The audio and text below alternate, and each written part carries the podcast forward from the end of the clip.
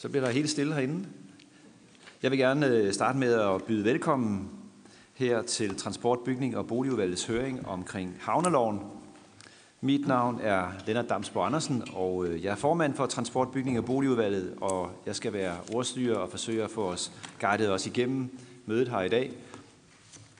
Jeg vil gerne øh, byde særlig velkommen til dagens oplægsholdere. Vi er meget glade for, at I har afsat tid til at komme her i dag. Jeg skal også byde velkommen til folketingsmedlemmerne, som er være her i øh, politikerpanelet, og sidst men ikke mindst til øh, tilhørende, øh, som der er rigtig mange af her i dag. Velkommen til jer. Og men selvfølgelig også til dem, der måtte følge med derude på skærmen. Øh. Med den her høring, der ønsker udvalget at få mere viden om, øh, hvilke udfordringer havnene de står overfor, og samtidig ønsker vi også at blive klogere på de forslag, der er til ændringer af den eksisterende havnelov. Før jeg giver ordet til den første oplægsholder, så har jeg nogle praktiske informationer til jer.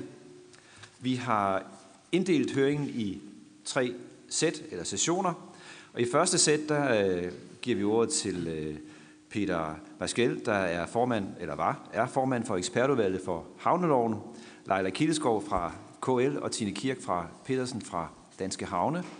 Hver af deres øh, oplæg får de 10 minutter til, og inden for den tid, der skulle der også gerne være tid til, at politikerpanelet måske kan stille et enkelt opklarende spørgsmål eller to. Og så de mere generelle spørgsmål og debat om temaet, det gemmer vi til de tre temaer, eller de tre oplæg, ligesom er øh, færdige. I anden sæt, så giver jeg ordet til dem, der har deres virksomhed og arbejde på havnene. Der skal vi høre oplæg fra Claus G. Andersen fra Danske Havnevirksomheder, Per Jensen fra Blue Water Shipping og Carsten Christensen fra 3F. Og igen vil der her være 10 minutter til hvert oplæg, inklusive et enkelt opklarende spørgsmål, hvis der måtte være det. Og så også her er der afsat tid til øh, spørgsmål og debat efter alle tre oplæg. Til slut, og i det tredje sæt, øh, der er det Sten Davidsen fra Hvide Sandehavn og Thomas Bensen fra Rønnehavn, der giver et indblik i driften af havnene. Også her er der afsat 10 minutter til hvert oplæg, inklusive opklarende spørgsmål osv.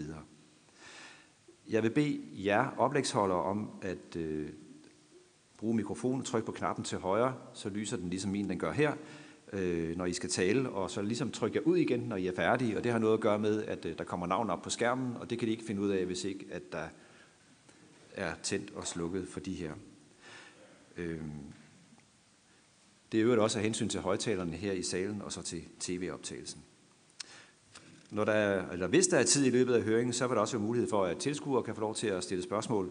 Jeg vil dog forbeholde mig ret til at give politikerne lov først, og så må vi ligesom se, hvordan øh, det kommer til at forløbe.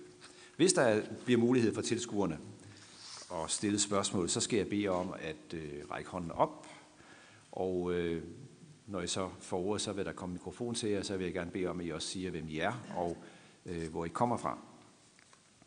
Den her høring den bliver livestreamet på Folketingets hjemmeside, og den bliver også vist for skudt på øh, Folketingets øh, tv-kanal øh, efterfølgende. Vi regner med, at øh, vi slutter her kl. 16.15. Øh, det er i hvert fald planen. Nu må vi jo så se, hvordan det, for, hvordan det forløber. Det var så det praktiske. Så er vi klar til at gå i gang, og som den første vil jeg give ordet til øh, Peter Maskel, der er professor ved CBS og formand for ekspertudvalget for havneloven. Værsgo. Jo, jo tak. Øhm, det jeg vil sige lidt om, det er hovedelementerne i den øh, anbefaling, øh, som øh, er udgivet, og som også findes på Transportministeriets hjemmeside. Og i korte træk kan man sige, at vi har fokuseret på tre punkter i ekspertudvalget. Det første det er at sikre færre og lige konkurrence, dels mellem havnene indbyrdes, og dels mellem øh, havnene på den ene side, det vil sige den offentlige operatør, øh, den offentlige infrastruktur øh, til vejbringer, og øh, de private operatører på den anden side. Og det tredje punkt, øh, det andet punkt, vi har kigget på, det er øh, spørgsmålet om at sikre, at den danske lovgivning den også fremover er i overensstemmelse med EU's statsstøtteregler, og der, der er kommet nogle ændringer der, som nødvendiggør efter vores opfattelse, at man får opdateret den danske lov. Og det tredje punkt, vi har kigget på, det er de små havne og deres stilling. Øhm, og hvis man skal starte med det sidste, uddybe lidt, så kan man sige, at de små havne i den nuværende lov er dem, der har de færreste frihedsgrader. Det vil sige, de er dem, som øh, øh, ikke kan en masse ting, som andre organisationsformer i, i havnene har, eller kan. Og vi mener, at øh, de små havne de er udsat for så stort et konkurrencepres, og også et pres fra at tonagen, det vil sige skibene, bliver større og større. Så der er alt mulig grund til at støtte dem ved at give dem større frihedsgrader. Og det forslag, vi kommer frem med, det øger deres frihedsgrader ganske markant i forhold til, hvad der er tale om i øjeblikket. Øh, hvad angår det EU-retlige og spørgsmålet om statsstøtte, der er det sådan, at kommissionen og parlamentet øh, sammen efter syv års forhandling nu har fået fastlagt præcis, hvad grænsendragningen er mellem det, som man kan give statsstøtte til, som kalder infrastruktur, og det er kort fortalt i havnesammenhæng, alt hvad der strider op over jordoverfladen eller vandoverfladen, det vil sige, det er måler, og det er øh, øh, bassiner, det er kajer, det er øh, øh, dokker, det er øh, veje, det er arealer på havnene, øh, og som bliver opfattet i EU-sammenhæng som det, som er almindelig kommunal virksomhed, infrastruktur, øh, og som man derfor kan støtte. Og herhjemme, der er den støtte, som er givet til havnene, den er helt overvejende givet i form af særligt favorable lån gennem kommunekredit, øh, og det vil sige lån på med lav, lidt lavere rente eller med lidt bedre øh, afdragsvilkår og så videre, så videre. Øh, den anden Øh, det andet element øh, i, i EU's øh, ordning, det er deres tilgang til det, det er alt det, man ikke kan give statsstøtte til, og det er alt det, som så strider op, og det vil så sige, det er parkhuse, det er kraner, det er terminaler, det er cisterner osv. osv. Og det er ikke en sondring, som vi har i den nuværende danske lov, men som efter vores opfattelse er nødvendig, for at man kan leve op til, Øh, til EU's øh, øh, krav og sikre, at vi ikke herhjemme giver statsstøtte til noget, som vi ikke må give statsstøtte til. Øh, og det leder mig over til, til det tredje element i, i øh, udvalgets anbefalinger, som drejer sig om den færre og lige konkurrence. Og det er en, en, øh, et element, som øh, gennem årene har givet anledning til forskellige skuld. I dagspressen er det kendt under opgavetyveri, hvor nogen har følt, at øh, havnene de bevægede sig for meget ind på den private sektors øh, gebet, og at øh, de derved fjernede opgaver, to opgaver ind under sig øh, på en måde, som var konkurrenceforvridende. Og øh, udvalget har kigget meget på den her sag, og også ment, at selvfølgelig så alene det, at vi får sikret, at man ikke længere kan give øh, statsstøtte til nogle af disse øh, områder, som øh, i højere grad har med skæringsfladen med den private sektor at gøre, det vil i sig selv være, være hjælpsomt til at sikre, at man ikke får forvridninger. Øh, det er jo klart, at det er svært for en privat øh, operatør på en havn at konkurrere med et selskab, som øh, øh på en eller anden måde har bedre, mere lempelige finansieringsvilkår, end man selv har mulighed for at få. Så alene det vil øh, på en eller anden måde bidrage til løsning af problemet. Men vi har to andre bidrag, og det ene, det er øh, oprettelsen af et klageorgan, som øh, har en stor stok. Øh, det vil sige, at det er altså et organ, som gør, at private operatører, der føler, at de bliver gået lidt for meget i bedene eller trådt over tæerne af offentlige øh, Øh, enheder, at de nu kan klage til det organ, i stedet for, som der i øjeblikket, først at skulle klage til ministeriet osv., og, så og hvis øh, ministeriet måske giver dem ret, og de så skal ud i, i virkeligheden for at få ret, så er de nogle gange nødt til at gå til domstolen, og det betyder, at denne proces skal tage mange, mange år. Det vil mene, det er en grundlæggende urimeligt, og mener, at der må gøres et eller andet for at sikre retstilstanden, sådan så at de private operatører har bedre mulighed for at få håndhævet deres, deres rettigheder. Øh, og det andet, det andet element, det er øh, udvalgets forslag om, at øh, man deler havnene i øh, så infrastrukturen, den statsstøttede del, er i et selskab, og et andet selskab, der samler man så alle de dele, som ikke har med infrastruktur at gøre. Og her kan man sige, at i den, i den bedste, bedste af alle verdener, øh, med en havn med masser af operatører, med masser af trafik, masser af skibe, der kommer ind, der øh, vil der være operatører, private operatører på stort set alle øh, havneområder. Og det vil sige, at der er behovet for, at øh, havnen selv skal gå ind og drive kraner eller drive pakhus eller gøre noget som helst andet ikke til stede. Men for de fleste havne, de befinder sig ikke i den bedste af alle verdener. Der er områder, hvor de er nødt til øh, selv for at få enderne til at mødes, eller sikre, at de kunder, der kommer, skibe, der, der anløber, at de bliver ordentligt betjent, så er de nødt til selv at gøre et eller andet. Det kan være i forbindelse med, med loser, det kan være i forbindelse med buksering, det kan være i forbindelse med trosseføring, der er forskellige dele der. Men i nogle havne, der er det ovenikøbet også en gang imellem nødvendigt, at de selv påtager sig en operatørrolle. Og det kan være, fordi at der i private operatør ikke finder det attraktivt nok, lukrativt nok at betjene øh, skibene på den pågældende havn. Og der er det udvalgets opfattelse, at der er så store samfundsmæssige investeringer i havnene, så det vil være urimeligt, at en havn den bare ligger tom og øde hen, hvis, selv, altså, hvis der er kunder til den, bare fordi at der nu ikke er øh, nogle private operatører, der vil være på havnen. Men man skal hele tiden huske, at det der superstrukturselskab, havneoperatørselskab i udvalgets opfattelse, er en nødløsning for det tilfælde, at der ikke er private operatører. Og for at understrege det, så insisterer vi også på i, i vores anbefalinger, at de bliver delt i to forskellige selskaber, sådan så at superstrukturselskabet helt parallelt med private operatører er lejer hos infrastrukturselskabet. Det vil sige, at superstrukturselskabet har de samme vilkår, fungerer på samme måde, under de samme konkurrencevilkår, de samme finansieringsmuligheder som en privat operatør på havnen. Og det er meget vigtigt, fordi det betyder, at hvis der på et senere tidspunkt pludselig bliver et bedre marked, der er mere trafik osv., så, videre, så nogle private gerne vil indgå på, øh, på havnen og begynde at operere der, ja, så har de mulighed for at gøre det på lige fod med den eksisterende offentlige udbyder. Det er det, vi kalder udfordringsretten i vores øh, øh, anbefalinger. Men øh, de kan gøre det på lige fod, alene fordi dette er et selvstændigt selskab. Jeg ved, at der i debatten har været nogle forslag om, at det er bekvemmelighed kunne være rart, at øh, superstrukturselskabet blev slået sammen og blev drevet på samme måde som infrastrukturselskabet med samme administration og bestyrelse osv. Og vi anerkender helt, at det kunne være meget bekvemt. Men vi mener, at det er helt øh, afgørende at sige, at det, som man så øh, taber ved denne bekvemmelighed, det er en færre og lige konkurrence. Fordi det betyder, at disse private operatører, der kommer ind på havnen efterfølgende, gerne vil, vil drive virksomheden, de nu skal, skal konkurrere med et selskab, som øh, er ejet af den udlejer, som de selv skal lege på.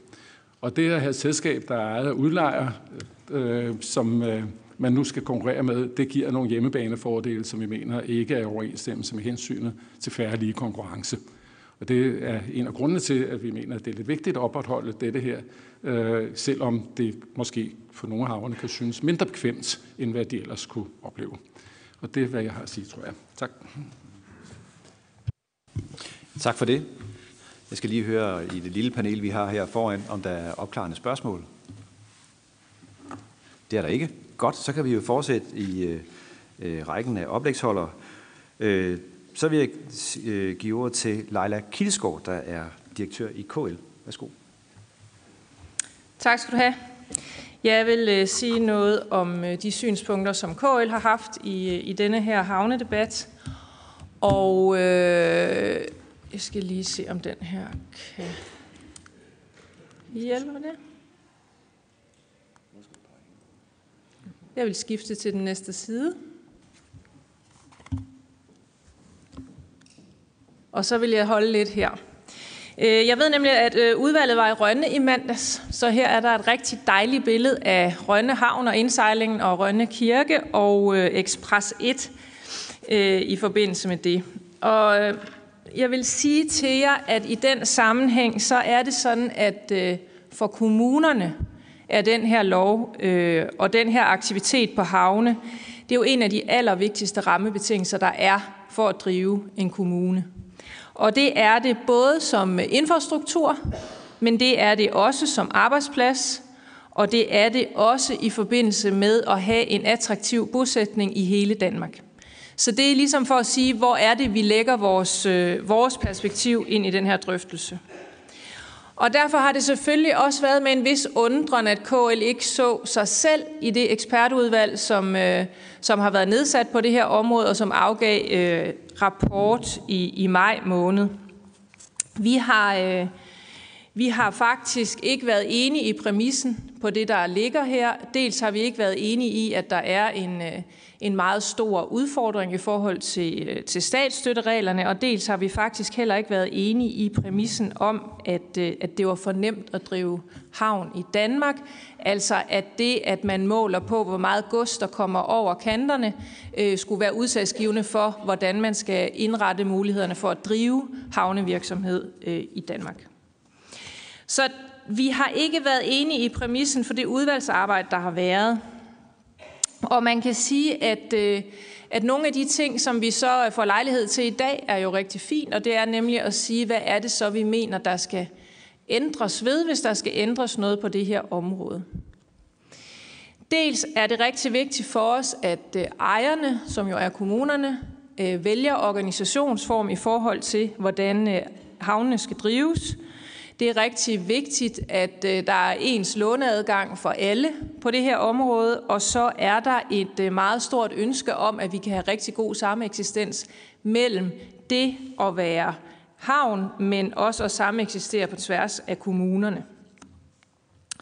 Og hvis jeg lige skal vælge, dvæle ved det første først, nemlig at, øh, at ejerne selv skal kunne vælge, hvilken organisationsform vi ønsker at drive havnene efter, så svarer det til stort set alle de andre opgaver, som kommunerne har i dag, altså hvordan man hjælper børn, der har det svært, hvordan man driver folkeskole, eller hvordan man i øvrigt varetager de opgaver, som, øh, som vi har ansvaret for. Og der kan man sige, at, øh, at en af de ting, som, øh, som er udfordringen, det er, at der er rigtig meget forskel på, hvad det er, havnene har brug for de forskellige steder. De store havne er ved at omlægge efter offshore øh, vindmøller og de aktiviteter, der har at gøre med det. Øh, nogle af de mindre havne har et øh, rigtig tæt samspil i forhold til fiskerierhverv øh, og hvordan de betingelser, der er på det der område. Endelig er der nogle af de øh, store østvendte kyster i Danmark, hvor det allervigtigste lige nu i virkeligheden er at finde ud af, hvordan det at drive øh, samme eksistens mellem erhverv på havnene og det at skabe attraktive boliger er det største hensyn, som ejerne har at tage i øjeblikket. Så det er en del af det her bredere perspektiv, og derfor er det ud fra, en, øh, ud fra vores perspektiv fuldstændig unødvendigt at begynde at spekulere i at spalte de her virksomheder øh, i to forskellige slags virksomheder, hvor man så vil skulle have to former for direktioner, man vil skulle have to bestyrelser, man vil skulle lave en masse nyt byråkrati på ret store dele af det her område i Danmark, og det kan vi overhovedet ikke se nogen fidus i. Så det handler om, at øh, at vi gerne selv som øh, kommuner vil kunne bestemme, hvad det er for en organisationsform, vi gerne vil have. Det næste handler så om låneadgangen, og der har det været øh, KL's synspunkt ind i det her arbejde, at i stedet for at gøre det sværere for alle, så ønsker vi, at også AS-bestyrelserne skal have adgang til at få kommunekredit øh, og også en kommunegaranti. Og det vil sådan set være at ligestille med de andre store forsyningsområder, der er i Danmark. Så på det område vil det være en ligestilling i forhold til at skulle drive energi øh, og øh, den slags virksomheder. Så derfor så øh, er det også, vi er ret optaget af at få lavet den rigtige model. Det aftaler vi lige i øjeblikket med Energiministeriet på, hvordan man fastsætter og laver vejledning om, hvordan man egentlig får lavet det, der hedder øh, garantiprovisioner – som er de retningslinjer for, hvad det koster, når man får som havn et, øh, en kommunegaranti. Hvad skal man så egentlig betale for det? Og noget af det, der er tvisten på det her område, det er, at øh, om man skal kunne fastsætte sådan en kommunegaranti øh, og prisen for at få den som en fast andel. Øh, men der går hele arbejdet ud i den der vejledningsøvelse. Det går på at finde ud af, hvad er det lokale lånemarked egentlig? Altså, hvordan er lånebetingelserne i de områder, om det er Skagen eller Lemvi, eller hvor er det henne, og hvad vil prisen så være, hvis der i teorien havde været et privat lånemarked på det der område? Så vi vil gerne have ens låneadgang for alle typer af organisationer på det her område.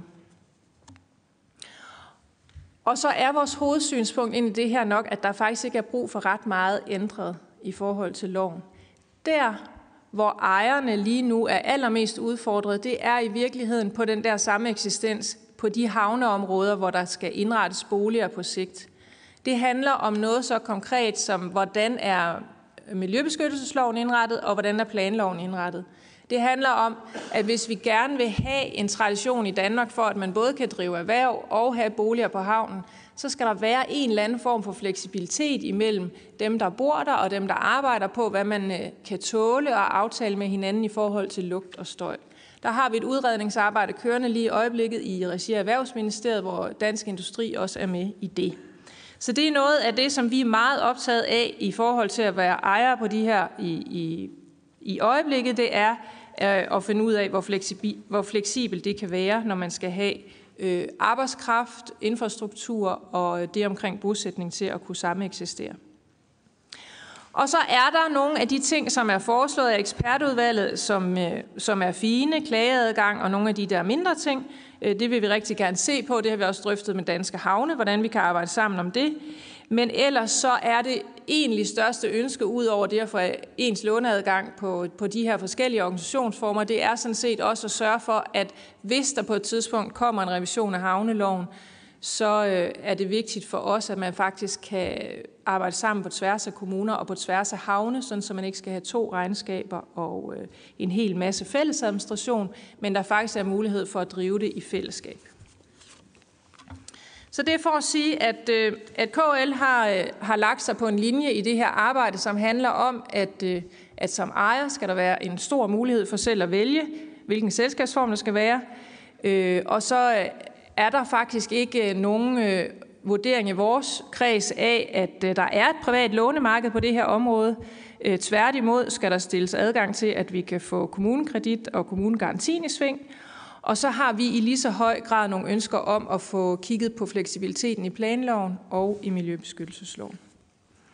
Så øh, som jeg startede med at sige, for os handler det om både infrastruktur, arbejdspladser og bosætning.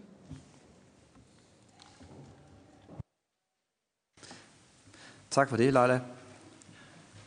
Der er opklarende spørgsmål. Jeg kan se, det er ikke debat, bare opklarende spørgsmål. Vi tager Henning Hyllested først, og så Hans Christian Schmidt bagefter. Værsgo, Henning.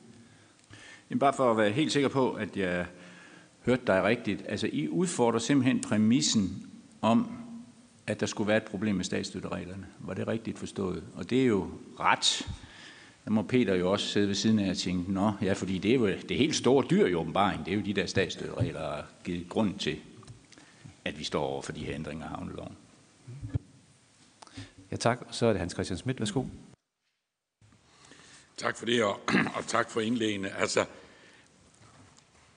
jeg har altid været trist over, at øh, vi ikke fulgte det kommissorium, der lå der, øh, nemlig at KL var der. Og man kan næsten sige, nu ser vi problemet.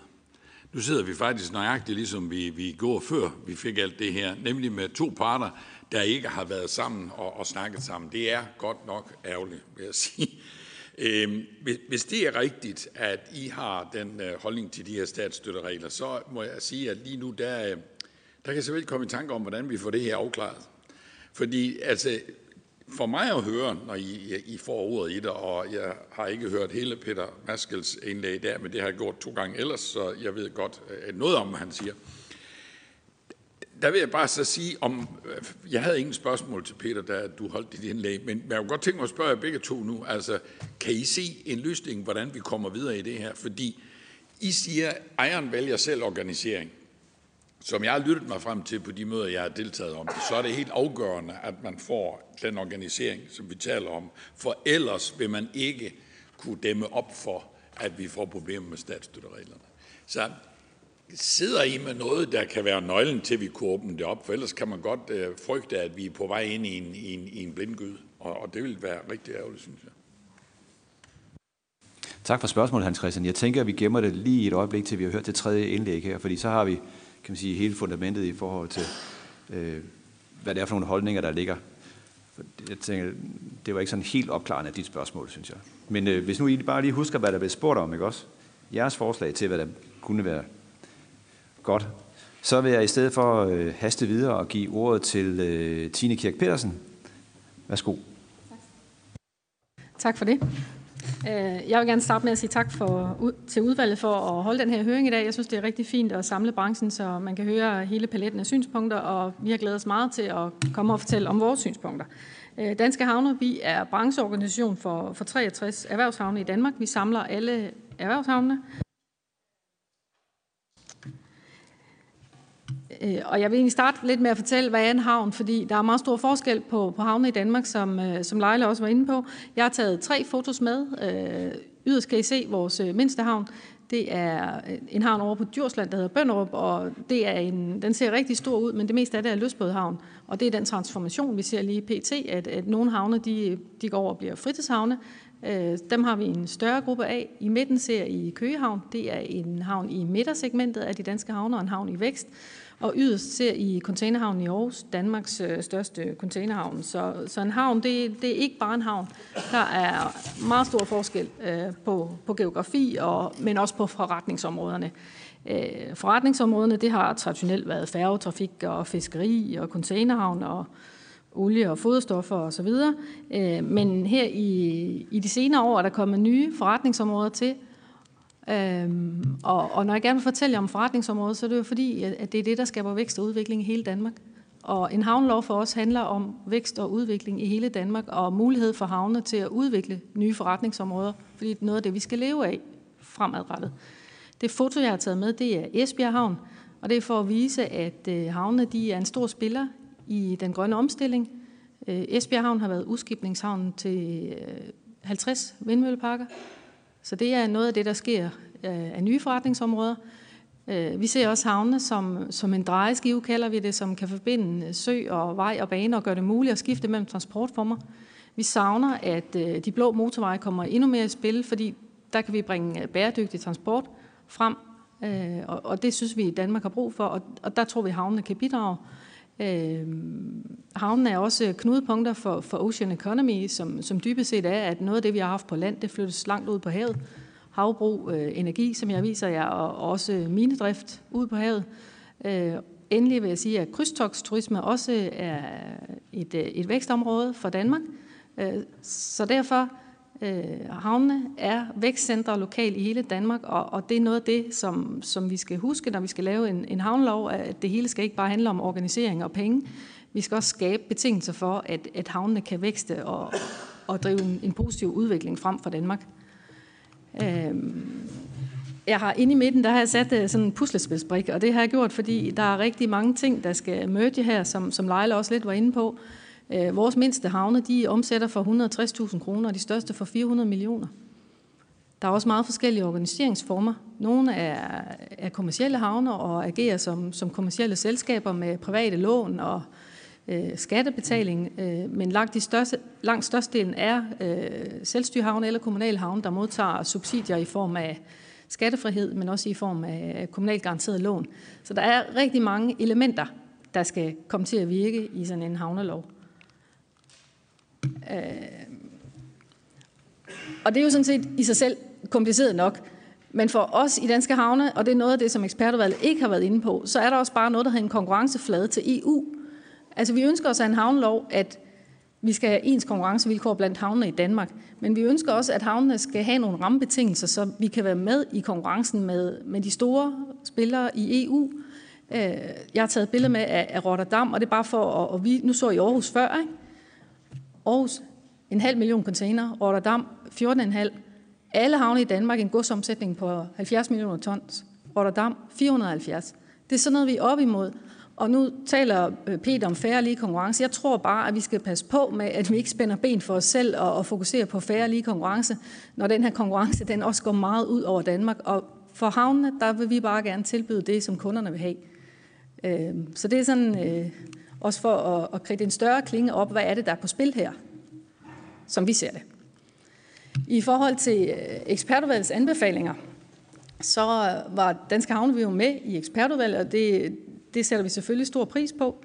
Øh, men vi har også arbejdet videre med, med de anbefalinger, der er kommet, og, og nogle steder har vi flyttet os en lille smule. Vi har ikke flyttet os meget, men vi har flyttet os en lille smule. For eksempel omkring organisering Øh, der, der ser vi det sådan, at, at ejerne og havnene skal selv bestemme, om øh, man vil organisere sig i et eller flere selskaber. Men EU-lovgivningen, den, den tilsiger, at der skal ske en regnskabsmæssig adskillelse af de statsstøttede infrastrukturaktiviteter og så de kommercielle aktiviteter. Men om det sker i et samlet selskab, hvor man adskiller regnskaberne ad, eller om øh, man vælger at organisere sig i, i flere selskaber, det skal, det skal havnene og ejerne selv kunne beslutte. Øh, Øh, vi er meget enige med KL, og det er jo også en anbefaling fra ekspertudvalget i, at øh, havnene, uanset hvordan de er organiseret, de skal have ens lånemuligheder.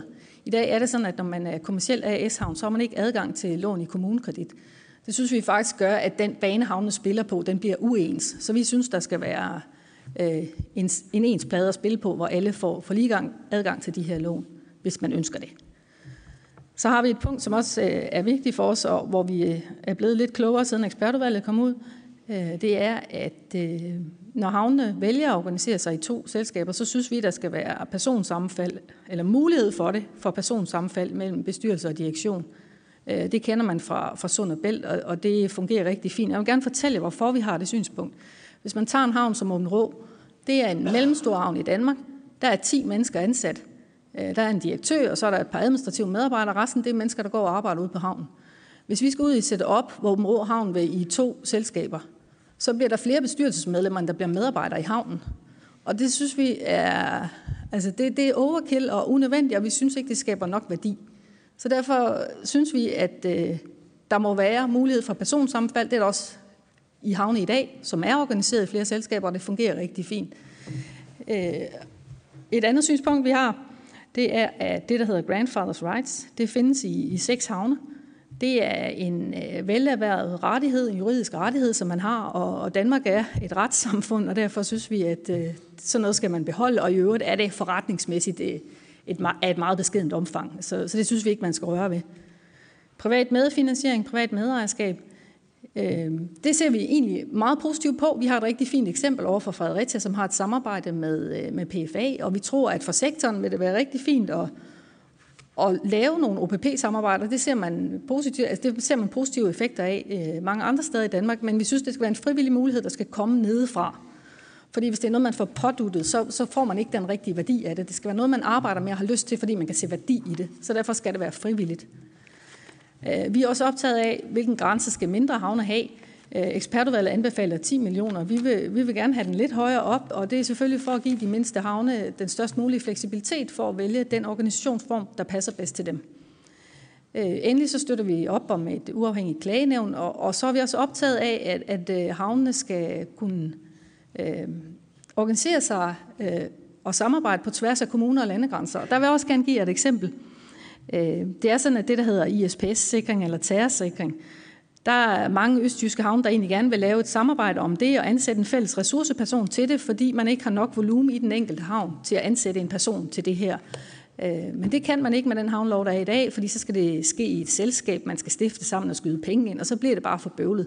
Vi synes, man skal slippe havnene lidt mere fri og sige, okay, man må godt lave sådan nogle øh, optimeringer for sektoren samlet, fordi det, det er altså spild af samfundets penge, at, øh, at det skal være for bøvlet.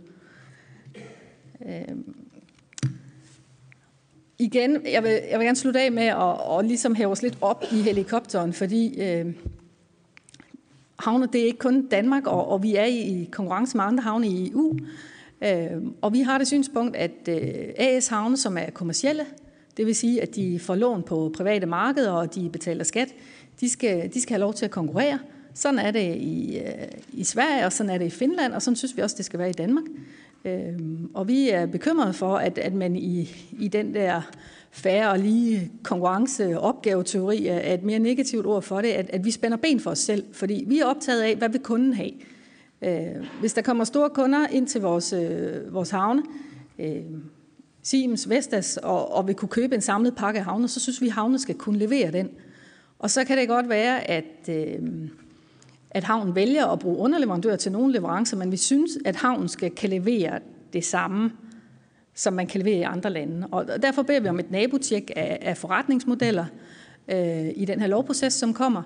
Og, og vi kunne også godt tænke os et nabotjek af, af skattereglerne. Øh, skattereglerne var ikke en del af ekspertudvalgets arbejde, men, men det har været sådan siden øh, rapporten kom, at der er åbnet sager mod Italien og, og Spanien. Der har været tidligere sager mod Tyskland og Frankrig, Belgien Holland. Øh, og vi synes, at når man skal i gang med det her, så kunne et nabotjek på det her område også være rigtig, rigtig fint, øh, som man kunne finde et niveau, så vi ikke spænder ben for os selv i konkurrencen med de store havne. Fordi for os handler en havnlov også om vækst og udvikling i hele Danmark, og der skal vi bare have en bane, så, så alle kan vokse. Det er vores ønske. Tak. Tusind tak for det. Øh, Henning Hyllested, markerer du i forhold til opklarende spørgsmål? Værsgo. Ja, altså jeg vil netop have spurgt dig om, hvad, hvad, øhm, øh, hvad det egentlig er, øh, du mener, I er op imod i EU. Nu kommer du så faktisk ind på det her til sidst. Øh, det består nu mest i et nabotjek, og der bemærker jeg selvfølgelig, at du snakker om skattebetaling. En skattebetaling, det er jo ikke en del af EU-samarbejdet, det der med skat. Så det bliver da noget af en opgave at, at, sikre, at sætte ind for en skattebetaling. Så kommer vi fandme rigtig langt ind i EU-integrationen, må jeg sige. Men, men, men, men det er så, hvad det er. Men jeg godt, hvis der er andre ting, I sådan, ligesom er, er stødt på. Og så vil jeg sige, hele det der spørgsmål om, om, om AS og ens låne, øh, ens øh, ja, muligheder for at låne osv. osv. Ikke? Altså, det, det er jo, altså de havne, der har organiseret som AS, har gjort det frivilligt. Ikke? Det kunne bare lade være hvis man kan sige det, så, så har de jo selvfølgelig følt, at det har passet ind i deres forretningsmodel. Fint nok, men så har de jo også vidst, hvad det galt øh, med hensyn til lånemuligheder og så videre. Så videre. Ja, værsgo svare. Ja, til sidst så vil jeg sige, at der ligger jo de anbefalinger, der kommer fra ekspertudvalget nu, at de havne, der er selvstyrehavne i dag, og, og dermed øh, kan få adgang til øh, lån i kommunekredit, de skal jo så gå over og være AS-havne. Og, og derfor synes vi, at så vil det være ganske naturligt, at alle så får lov til at få øh, adgang til lån i kommunekredit, fordi ellers er man i hvert fald ude i, at man skal bevare de tre organiseringsformer, der er i dag. Selvstyrehavnene, AS-havnene og, og de kommunale havne. Så det håber jeg er svar på dit spørgsmål. Og jeg er enig i, at, at det, øh, at undersøge det her skattespørgsmål, det er, det er en stor og vanskelig opgave, men, men vi er bare meget stærkt optaget af, at, at vi skal have de samme konkurrencemuligheder, som, som de store havne har i EU. For ellers så tror vi, at vi taber forretning til, til udenlandske havne, og, og det vil være skidt for Danmark. Og det er et, et synspunkt, som, som betyder ganske meget for os. Tak for det. Øh, Hans Christian Schmidt, at det skal lige høre, er det opklarende spørgsmål til Tine? Ja. Okay, det tager vi først, og så kommer lige en debatrunde bagefter. Værsgo. Tak for indlægget, Tine. Kunne du sige lidt om de der, vi har kort berørt de her grandfather rights.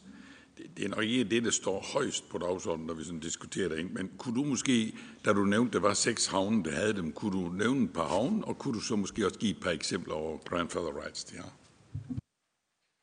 Ja, tak for spørgsmålet. Øh, der er seks havner, der har det, og det er blandt andet Hirtals, og det er Aarhus, og det er Vejle. Øh, det er sådan noget, nu kommer vi ud noget fagsprog, det er buksering, og det er trosseføring. Øh, det er sådan nogle opgaver, man, man typisk har, og, og losning. Og øh, vi har det synspunkt, at der er, der er seks havne, der har det, og det er nogle rettigheder, der har været der i, i mange tilfælde i over 100 år.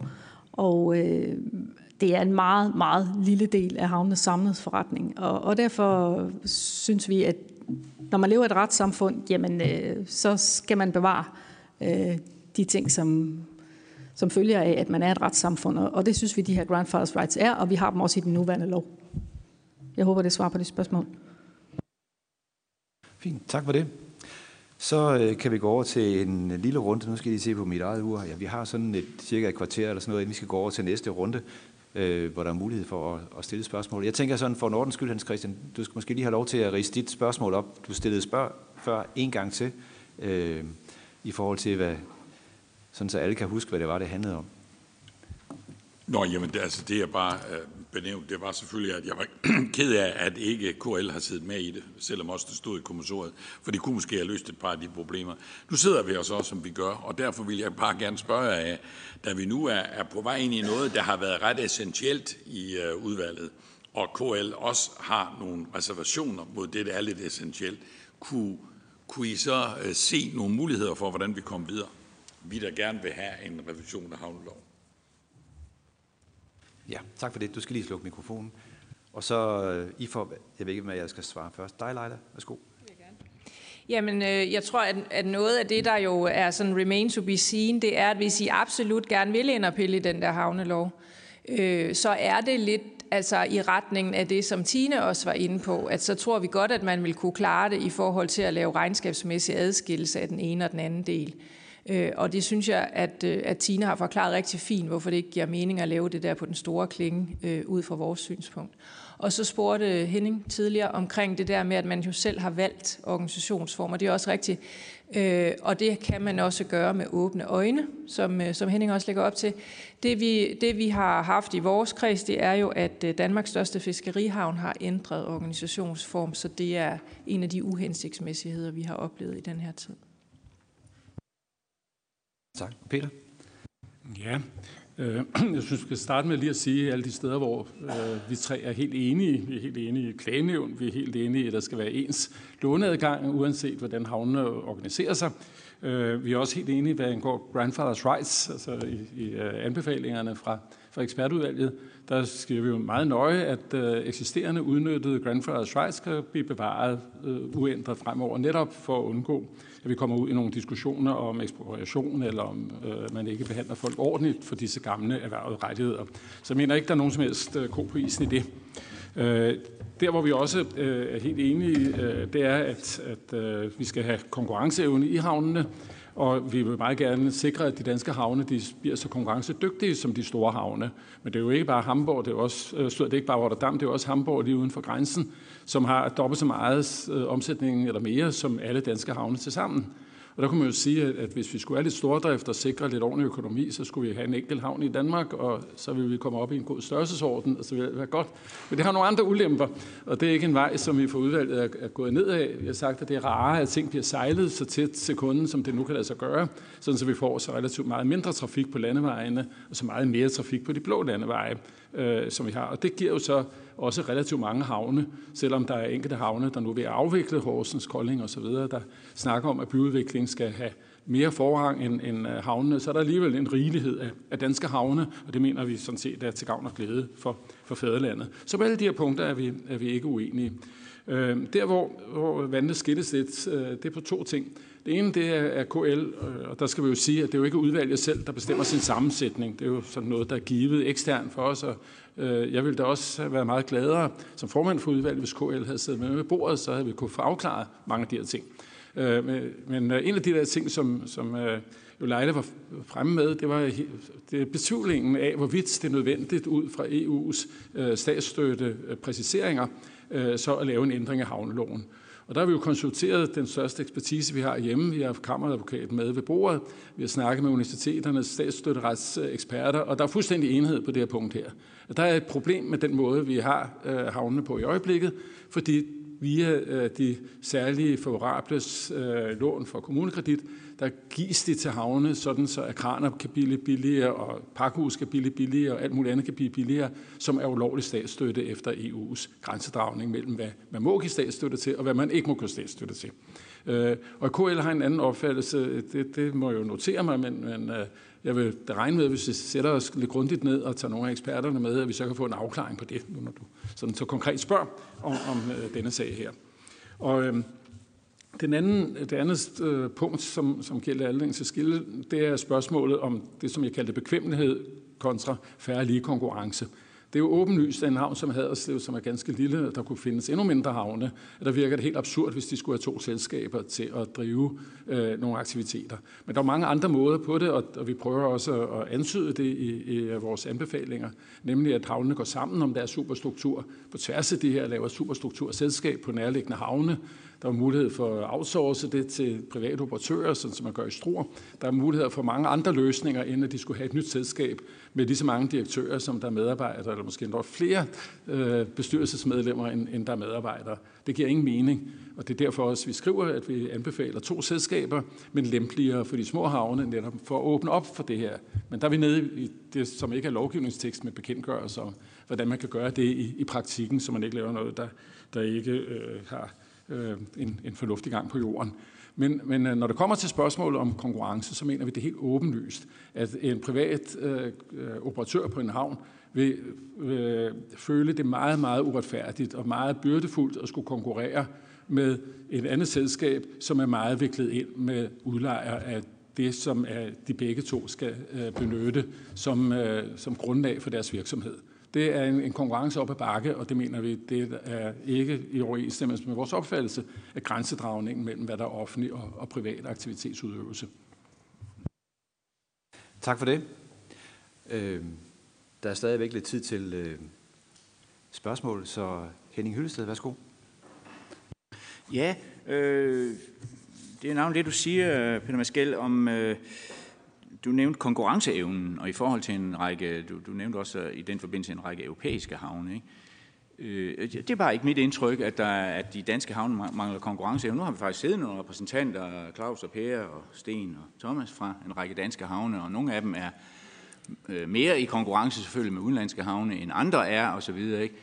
Men er det, jeg ved ikke, om jeg må stille det spørgsmål, eller om det kommer senere, men altså, er det jeres indtryk, at, at de danske havne har alvorlige konkurrenceproblemer med, med de større europæiske havne? Altså jeg mener, Esbjerg Havn, Per, øh, ligger op og ned af, af Hamburg Havn, ikke? men det er jo en helt anden havn, for fanden. Altså, øh, kan jo dårligt nok sammenlignes. Altså, øh, så, så, så det kan jeg slet ikke se uh, skulle være et problem. I den nuværende, i den eksisterende havnelov, der skal man jo annoncere efter private øh, firmaer, operatører på det ene eller det andet felt. Og kun hvis man ikke kan finde en privat operatør, må man så iværksætte noget for havnen selv. Er det ikke en rimelig god gradering? Der skal sikkert finde nogle tilpasninger sted. Jeg har også bemærket sagen på Odense og så videre, øh, hvor man ved at ændre organisationsform pludselig får adgang til at gøre nogle ting. Øh, men, men det kan vel, behøver man virkelig have en helt ny havnelov med, med, med den byråkratiske opbygning, jeg synes, det er med, med den nye organisationsform. Ja tak. Altså, jeg synes bestemt, hvis der er nogen af jer, der har lyst til at svare derhen, at I skal have mulighed for det. Værsgo. Jeg vil da godt sige, at øh, vi har, vi har tidligere foretaget en sådan selektiv benchmarking op mod udenlandske havne, og vi har faktisk altid fundet, at de danske havne er rimelig konkurrencedygtige. Det vil jeg give dig ret i, Henning. Ja. Er der andre? Ja, så det vil Peter også gerne. Værsgo. Ja, når jeg nævnte de andre havne, så var det jo præcis fordi, det blev rejst fra Tines side, øh, Øh, hvordan det nu var stået til i Rotterdam og, og så videre. Det er jo klart, at, at en række forskellige forretningsområder, nu har jeg selv været bestyrelsesformand i Copenhagen Malmøport i en periode, så jeg kender lidt til detaljen i det her, at uh, der er meget stordriftsfordele i havnedrift så skal man ekspedere gods på en eller anden bestemt måde, jamen så er der uh, set havnen uh, helt, uh, helt lukket som et kredsløb, så er der uh, fordele ved, ved størrelse. Uh, men som jeg også sagde, at, at uh, det skal jo vejes op mod det, som jeg mener mindst lige så vigtigt, nemlig at få havnene så tæt og godset så tæt hen på slutbrugeren, som det overhovedet kan lade sig gøre. Og det er jo det, der giver vores distribuerede havne, og derved også den økonomi, der ligger i disse havne. Så det er sådan set svaret på det. Øhm, så er der øh, spørgsmålet om, om skat, som også blev berørt. Jeg vil bare sige, at, at det har jo ikke været en del af udvalgets kommissorium. Det er jo et andet ministerium. Det er, det er jo transportministeriet øh, arbejdsområde. Øh, men det er klart, at, at der er nogle uafklarede spørgsmål omkring skat, som godt kunne tåle at blive belyst på et tidspunkt. Og på den måde er jeg sådan set enig med Tine. Det er bare ikke noget, vi har gjort. Vi vil meget gerne gøre det, hvis vi blev bedt om det. Men, men det, det ligger stadig øh, derude, og det har sådan set ikke noget at gøre med ændringen af havneloven som sådan, som jo ikke er en skattelov eller, eller noget andet. Øh, så, så hvad det angår, der, øh, så tror jeg sådan set, at vi er på nogenlunde fast grund. Tak. Ja, tak. Og så øh, tænker jeg, at vi tager et sidste spørgsmål, og det er fra Hans Christian Schmidt. Værsgo. Jamen, det var sådan set bare til grandfather rights, som jeg synes var, var fint, jeg fik øh, svar på. Enten så opfattede jeg bare, at det var en nuance uden betydning, eller også var det en nuance med betydning mellem de to. Fordi den ene sagde, grandfather rights, det er nogen, man betaler ved kasse 1, hvis det er. Altså, der er ikke så meget at komme efter. Det er en rettighed, vi har. Du derimod, Peter, sagde, udnyttede grandfather rights. Ligger der noget her, som man skal grave lidt i, altså fordi den ene bruger udnyttet, og de andre siger bare generelt grandfather rights? Øhm, det er faktisk sådan, at, øh, at havnene øh, i meget vid udstrækning udnytter de grandfather rights, de har, men, men vores synspunkt er, at øh, også de grandfather rights, vi måtte have, som vi ikke udnytter pt., dem skal vi beholde og bevare, fordi vi er en retsstat. Øhm, og så vil jeg sige omkring konkurrencen til Henning Hyllested.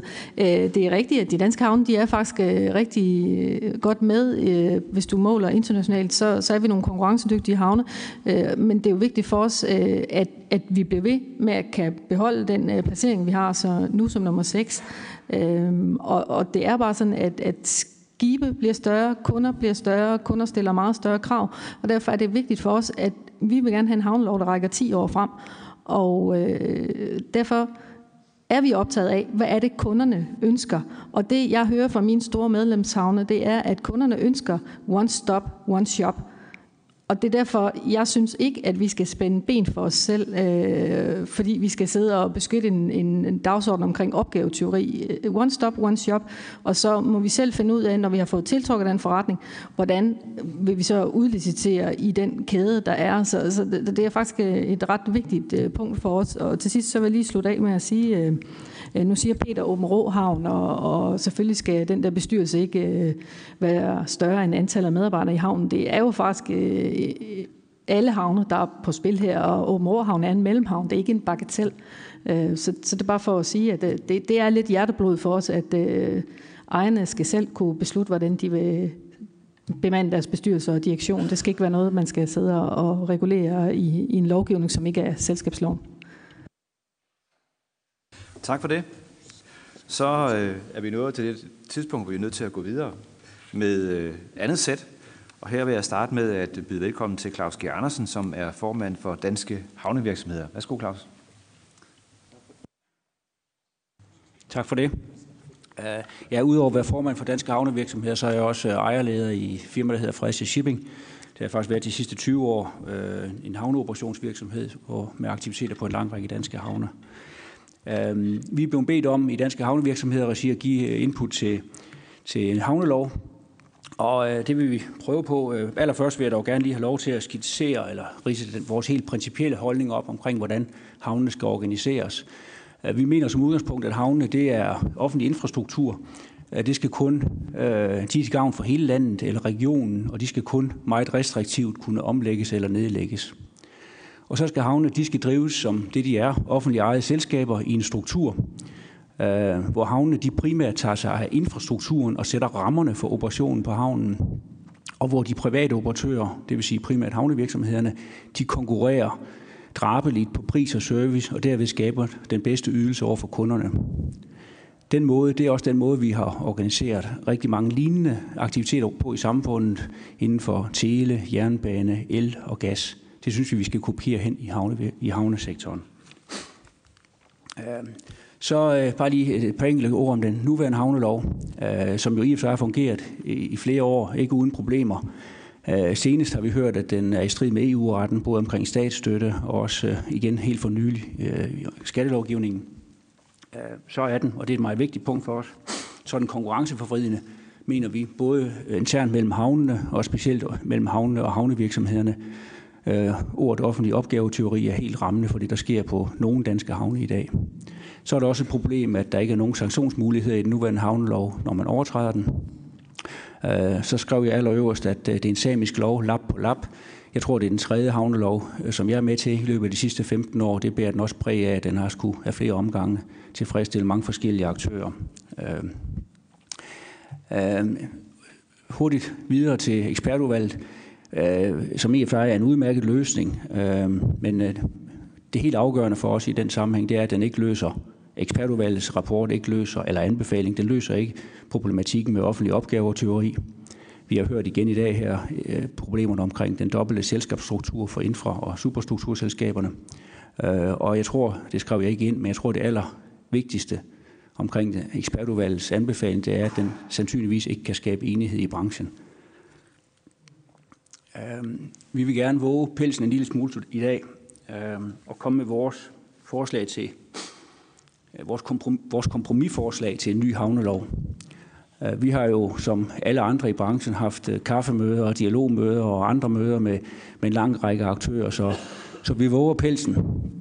Øh, og øh, øh et kompromisforslag mener vi kunne gå ud på, at havnene, som sagde tidligere, som, hovedre, som hovedregel tager sig af infrastrukturen, og den svære, der begynder ved etableringen af havnen, driften af infrastrukturen og slutter ved kran- og pakhusudlejning. Der starter havnevirksomhedernes operation. Det vil sige, at havnevirksomhederne de skal som udgangspunkt tage sig af, tage sig af ikke havneinfrastruktur. De skal tage sig af operationen på havnene og den sfære, der begynder som udgangspunkt ved kran- og pakhusudlejning. Vi har prøvet at forestille os sådan en tavle, hvor vi har den venstre side af tavlen. Det er alt det, der drejer sig om infrastrukturen. Helt frem til midten, hvor vi møder kran- og øh, pakhusdrift.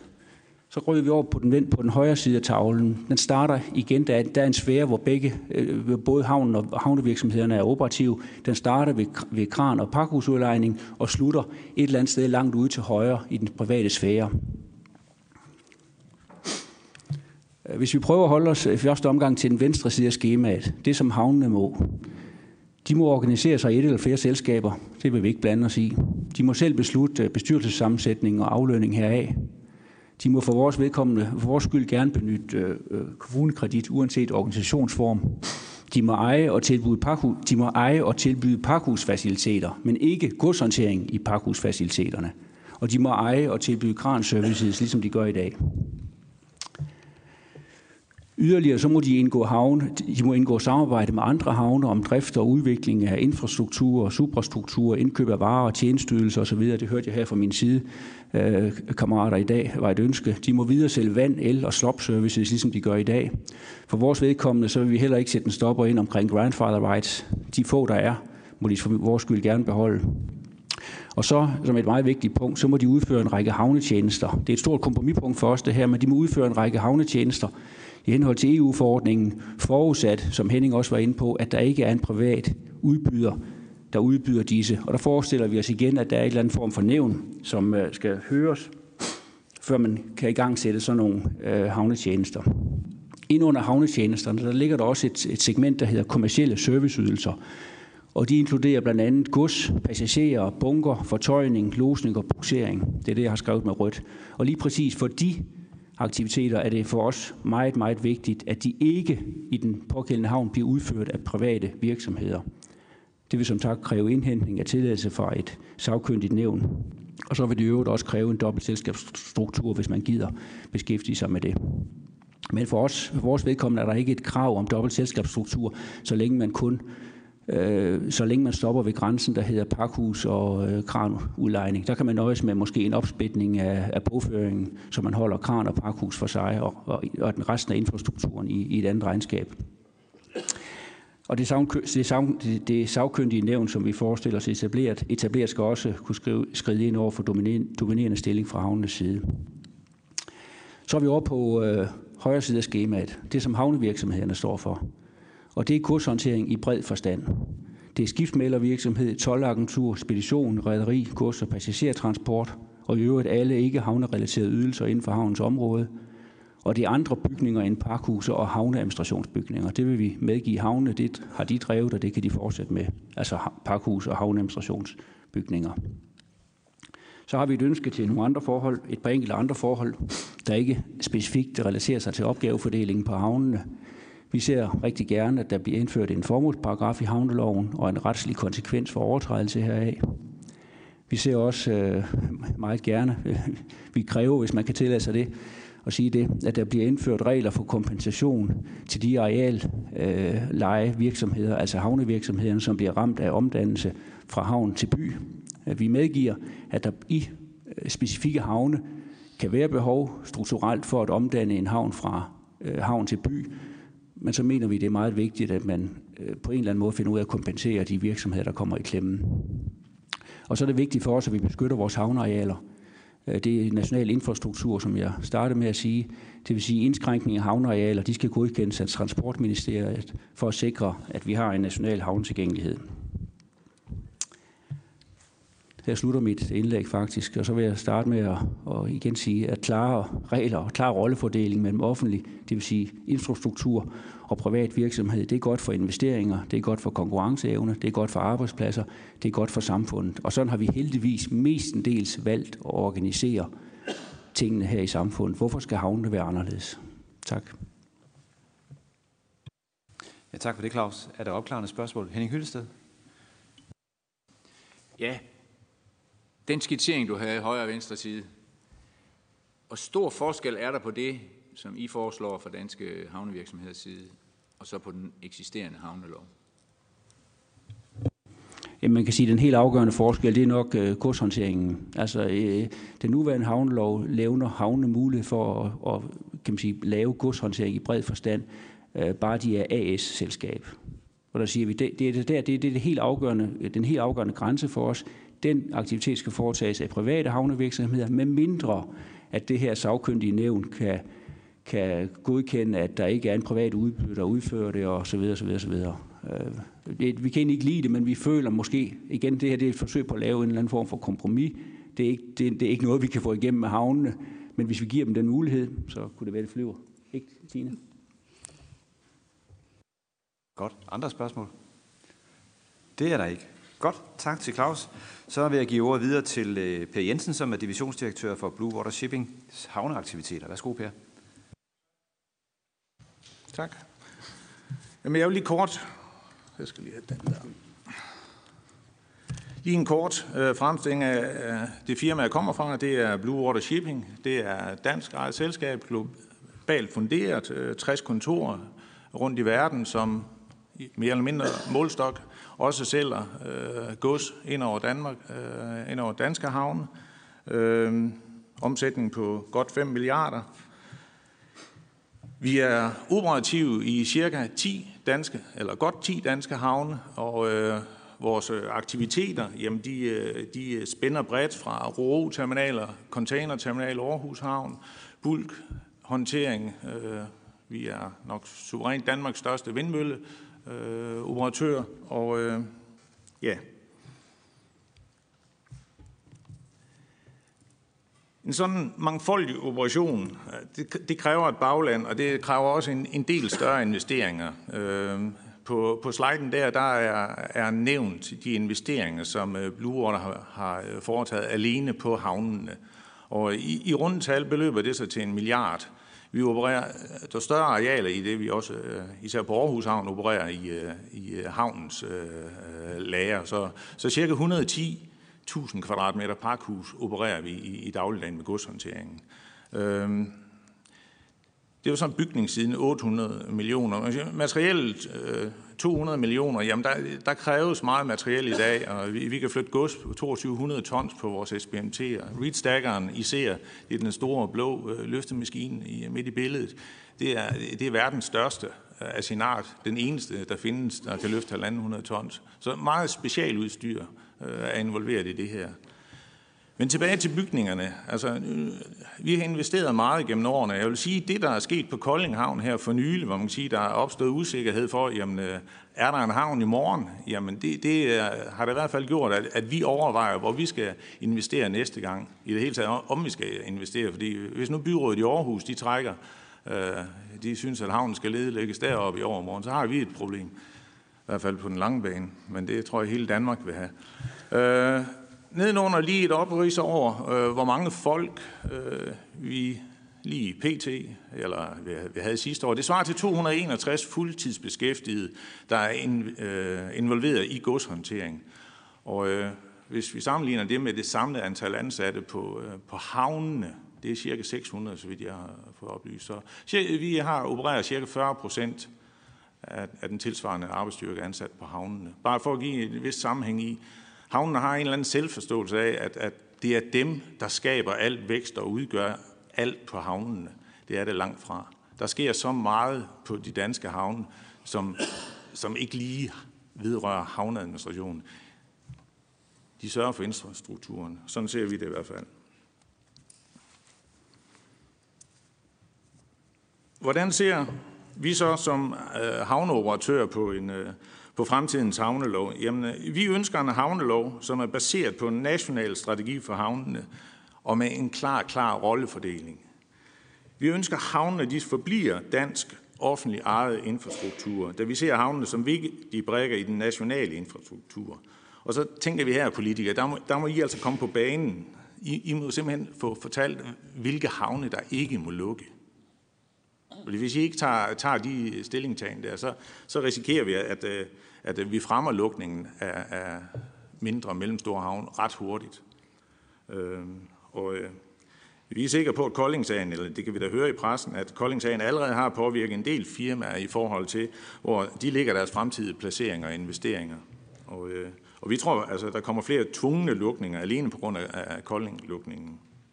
Så næste punkt, klar for, procedure for lukningen af en havn. Altså, når vi nu ved, at det kan forekomme, jamen, så skal vi have nogle definerede regler for det. Væsentligst for os, det er helt klart, det er rollefordelingen øh, på havnene fremadrettet. Og, øh, jamen, vi, vi ser alene havnene som infrastruktur udbyder. Vi ser dem gerne operere pakhus, som de må i dag under den eksisterende øh, lov. Og vi ser også gerne, at, at, øh, at vi fælles sammen med havnene opererer eller, eller har kranerne med i samme regi. Fordi kraner er store investeringer, og det er det for os alle sammen, og for at få en optimal udbytte af dem, jamen, så skal det foregå i fælles regi.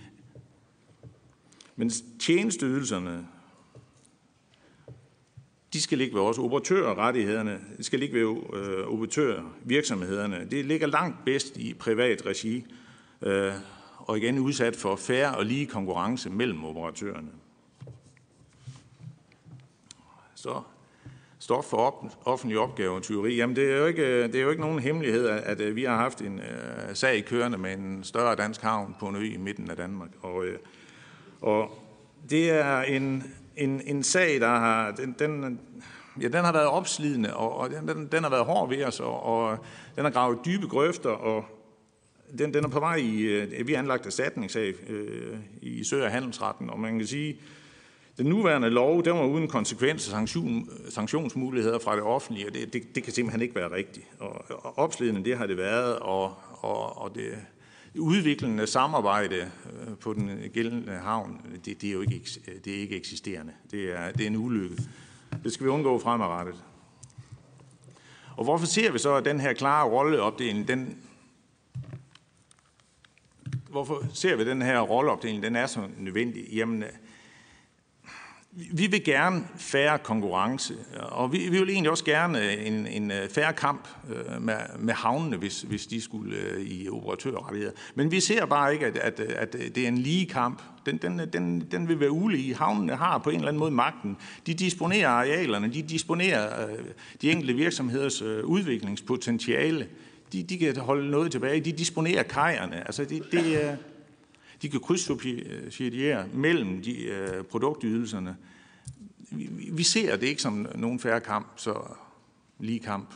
Så øh, vi ønsker slet ikke, at, øh, at, øh, at, øh, den, at havnene skal have den mulighed. Vi kan heller ikke se, hvorfor, hvorfor egentlig de skal have den. Altså, jeg synes, vi har klaret opgaven glimrende igennem mange år.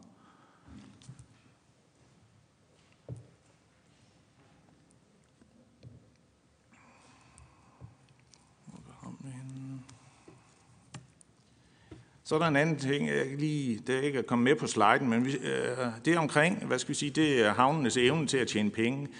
Vi ønsker egentlig, at, at pengene, de, som havnene tjener, de skal blive i havnene.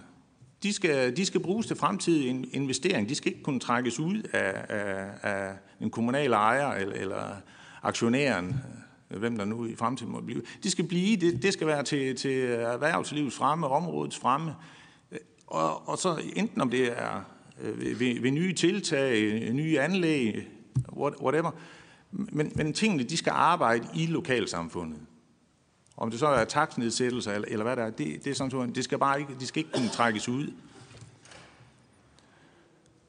Så tænker vi også, at øh, der skal nogle øh, klare øh, udlejningsregler for, for bygninger. Også, øh, også det her, nu, nu er det så opstået i, øh, øh i Fredericia. Øh, vi har fået en dryport, men igen, altså vi, vi, vi skal have nogle klare øh, retningslinjer for, hvordan havnene må udvikle sig, øh, og, og også især indenlands. Altså, øh, bliver det næste industrihaller? Øh, hvad bliver det? Vej og park, der skal til at, at drive vognmand og entreprenørvirksomhed? Altså, vi, vi, vi skal have det grænset, afgrænset på en eller anden måde.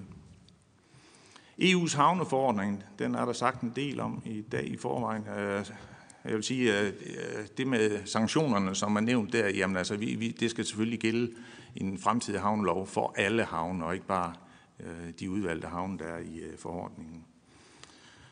Så øh, for os der er hovedbudskabet helt klart, at, øh, at øh, havnene skal have en begrænset operatørret fremadrettet, øh, og, øh, eller som vi vil sige det, altså, vi skal have stoppet det her ulovlige offentlige opgave tyveri. Det var, det var ordene. Tak. Ja, tak for det. Øh, der er opklarende spørgsmål fra Hans Christian Schmidt. Værsgo. Se, du, jeg kan se, du skrev det op, og tak for et godt indlæg. Oprette et neutralt klageorgan. Hvad er definitionen for dig på et neutralt klageorgan? Neutralt klageorgan, jamen, jamen det, det skal være et organ, som, som er inde i stoffet, som, øh, øh som, som er udvalgt øh, øh, af, af, af parterne, men, men som har en, en, øh, en indsigt i, øh, i operationerne i, i, i havnedrift, og så, som skal kunne levere et hurtigt svar, i, i stedet for som ting, det har kunne i vores tilfælde trække ud i overvis. Det, det er simpelthen ikke fair. Tak. Er der andre spørgsmål? Det er der ikke. Godt. Ja, men du skal nok få lov til at sige noget, når vi går noget længere. Det er Peter, han vil gerne sige noget. Han vil gerne kommentere på alle tingene, tror jeg. Og, og, og, også på formanden. Ja, også på mig. og det er rigtig fint. Øhm, og jeg har, jeg har ham også stående her på min, på min liste over, når vi når til øh, slutningen, når vi kommer på, til debatten på det her område her. Så skal du nok få ordet, Peter. Tak. Det er godt. Okay, så øh, den øh, næste og sidste i øh, den her omgang, det er Carsten Christensen fra 3F. Værsgo. Ja, tak. Jeg har en lumsk anelse om, at der er nogen, der har gjort sig tanker om, at øh, jeg rent faktisk skal sidde øh, i den her øh, del af panelet, fordi jeg har, jeg har rent faktisk ikke hørt øh, voldsomt meget i de sidste to indlæg, som jeg ikke kan støtte fuldt op om. Øh, medarbejderne ude i havnene øh, ønsker jo stabilitet, de ønsker ro omkring deres arbejde, øh, og de ønsker at vide, at den arbejdssituation, de har i dag, den kan de nok også forvente at have i morgen. Altså at øh, man ikke skal opleve, at der bliver en, en, en yderligere liberalisering øh, i forhold til øh, de, off, de offentlige virksomheders muligheder for at, at gå ind og, og, øh, og lave øh, serviceydelser, øh, altså operatør, hvad hedder det, øh, øh, godshåndteringer og, og hvad der ellers er på havnen. Øh, så på den måde, der, det vi ønsker os, det er sådan set, at der er en fuldstændig klar øh, fordeling imellem øh, det offentlige og de selskabsformer, de øh, nu øh, bruger, enten om det er en kommunal havn eller en kommunal selvstyrehavn, står for øh, infrastrukturen, og så de her serviceydelser, som, som øh, operatørerne i havnene, øh, det foregår øh, af private virksomheder. Øh, øh, det, det mener vi nok er det mest fornuftige og, øh, og, og den rigtige måde, at det her det skal køres på. Jeg vil øh, ret skytset en anden vej, øh, fordi sidde og gentage ting, som, som flere gange er blevet sagt, det, det har jeg ingen øh, brug for. Men, men øh, jeg vil ret, ret skytset en, en anden vej og sige, at vi har nogle ønsker som, som øh, arbejdstager øh, på havnene. Øh, vi synes, det er helt urimeligt, at øh, lønmodtagerne i havnene rundt omkring, de ikke har mulighed for at, at få deres stemme hørt i de virksomheder i havnene. Så derfor øh, ønsker vi os, at lønmodtagerne får repræsentation i havnebestyrelsen. Vi ønsker, at på havnene laves der øh, havnes sikkerhedsråd, der sker rigtig mange øh, opgaver på havnen rundt omkring, som er, øh, som er risikofyldte. Og det sker på, af forskellige virksomheder, men på, på havnens arealer. Så vi ønsker os, at der laves nogle overordnede havnesikkerhedsråd, hvor de enkelte private virksomheder de har mulighed for at øve indflydelse på den sikkerhed, de tilbydes af havnen, når de færdes på havnens øh, arealer. Og så en tredje ting, øh, og det her, det er sådan lidt i min egen boldgade, nemlig øh, øh, de her ISPS-områder, som er øh, i havnene, at øh, fagforeningsrepræsentanter sikres adgang til at kunne komme ind i de her områder, øh, således vi har mulighed for at møde de medarbejdere, som går der, men også øh, de virksomheder, som, øh, som opererer der. Øh, yderligere omkring adgang til havneområder, øh, så ønsker vi os, at når, når medarbejdere øh, i en havn ønsker at stille deres øh, arbejdskraft til rådighed i en anden havn. Det kan være en mindre havn, som ikke har mulighed for at betjene et skib, som vælger at gå til det havn, til den havn, øh, øh, at man så opretter flyvergæng, der kan, der kan betjene de her skibe i en mindre havn, Øh, at de også får mulighed for at komme ind i den havns øh, sikrede områder, at øh, adgangen til havnområderne ikke øh, bestyres af en lokal sheriff, øh, som sidder og, og, og siger, at her synes jeg, det er i orden, her synes jeg ikke, det er i orden. Øh, den danske model bygger jo netop på, at vi som lønmodtagere kan møde virksomhederne der, hvor de nu er, øh, og sikre, at øh, arbejdstagerrettigheder og, øh, og øh, øh forhandlinger øh, på løn- og arbejdsforhold øh, kan ske, øh, som vi nu kender det i resten af samfundet. Så øh, øh, adgang til, øh, til de øh, sikrede områder for, for fagforeninger, men også for medarbejdere, som ønsker at, at betjene øh, operatører eller, eller gæster i andre havne øh, skal sikres. Så det er jo tre konkrete ønsker fra fagforeningen. Tak for ordet. Tak for det. Øh, jeg kigger lige, om der er opklarende spørgsmål. Det er der ikke. Så kan vi gå over til sådan en generel debat omkring øh, de indlæg, der har været her. Hvis ikke der er markering for politikerne, det er der ikke lige nu, så vil jeg starte med at gå over til dig, Peter. Så har du i hvert fald mulighed for at kommentere på de ting, du gerne vil. Værsgo. Det er dejligt, så får jeg den samlede taletid. Ikke, for, jo, jo. øhm, Først lige om, om det med nedlæggelse af havn i Kolding, som øh, øh, flere oplægsholderne var inde på, øh, og Horsens kom også med, hvor borgmesteren jo udtalte til pressen, at nu skulle man se, om trekantssamarbejdet også virkede, fordi nu kunne nogle andre så tage sig af havnevirksomheden, som Horsens ikke ville have, når de brugte havnearealerne til, til boliger. Og det er klart, at på et eller andet tidspunkt, så bliver nedlæggelse af havne på den måde også et spørgsmål af national interesse. Og vi har lige nævnt det i, i anbefalingerne, at øh, det kunne være hensigtsmæssigt, at øh, man sikrede, at øh, havne i hvert fald over en vis størrelse, at øh, det fik en større bevågenhed, måske fra Transportministeriets side, i en ny havnelov, således at øh, man ikke bare kunne nedlægge det. Men man må sige, at de fleste af disse havneomlægninger og havnenedlæggelser, de kræver jo en ændring af lokalplaner. Det kræver en ændring i kommuneplanen, og det vil også sige, at det får en høringsrunde forbi Erhvervsministeriet, som er planmyndighed i øjeblikket, og derved også en mulighed for, at de i den måde, som statsadministrationen fungerer på, kan rundsende til Transportministeriet, som så kan nedlægge et, en, en, et veto, eller i hvert fald give indsigelse mod den ændring, der sker af, af havnen. Så vi har sådan set et system, og det er mere et spørgsmål måske om at kalibrere det en smule, for at sikre, at vi ikke pludselig en dag, fordi der kan være mere kortsigtet økonomi i at lave boliger, eller hvad det nu kan være på et havneområde med, med øh, havudsigt osv., end at drive havnevirksomhed på området. Øh, og det øh, tror jeg, man måske ikke har offret helt den opmærksomhed, som det nok kræver. Så til både Per og Claus, som var inde på spørgsmålet om grænsedragningen, altså øh, mellem det offentlige og det private. Og vi er jo helt overvejende enige om alting. Øh, og det har vi været ganske længe. Men øh, det, der, det, der er, øh, er centralt her, det er jo, øh, hvor den grænsedragning kan være, også i forhold til EU-retten. Og hvis jeg hører jer rigtigt, så mener I, at øh, det ville være dejligt, hvis havnene drev kraner og, og øh, Øh, pakhus og så videre, kapitalintensive investeringer. Og det giver meget mening. Men det er bare nødvendigt at sige her, at det kan ikke ske med statsstøtte, fordi EU har klart øh, sagt, at det ligger på den anden side af den linje. Det er noget, der strider op, det hører under superstrukturen, så det kan ikke indgå. Så skal havnene drive det, så får havnene så automatisk også et andet selskab, øh, som øh, skal stå for det, som ikke er adskilt fra infrastrukturselskabet, som kan modtage statsstøtten.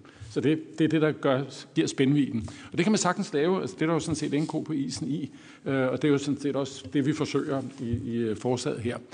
Øh, der, hvor, øh, hvor vandene det skilles, det er, er Pers bemærkning om, øh, at øh, havnene ikke skal have nogen som helst mulighed for at lave noget operationelt.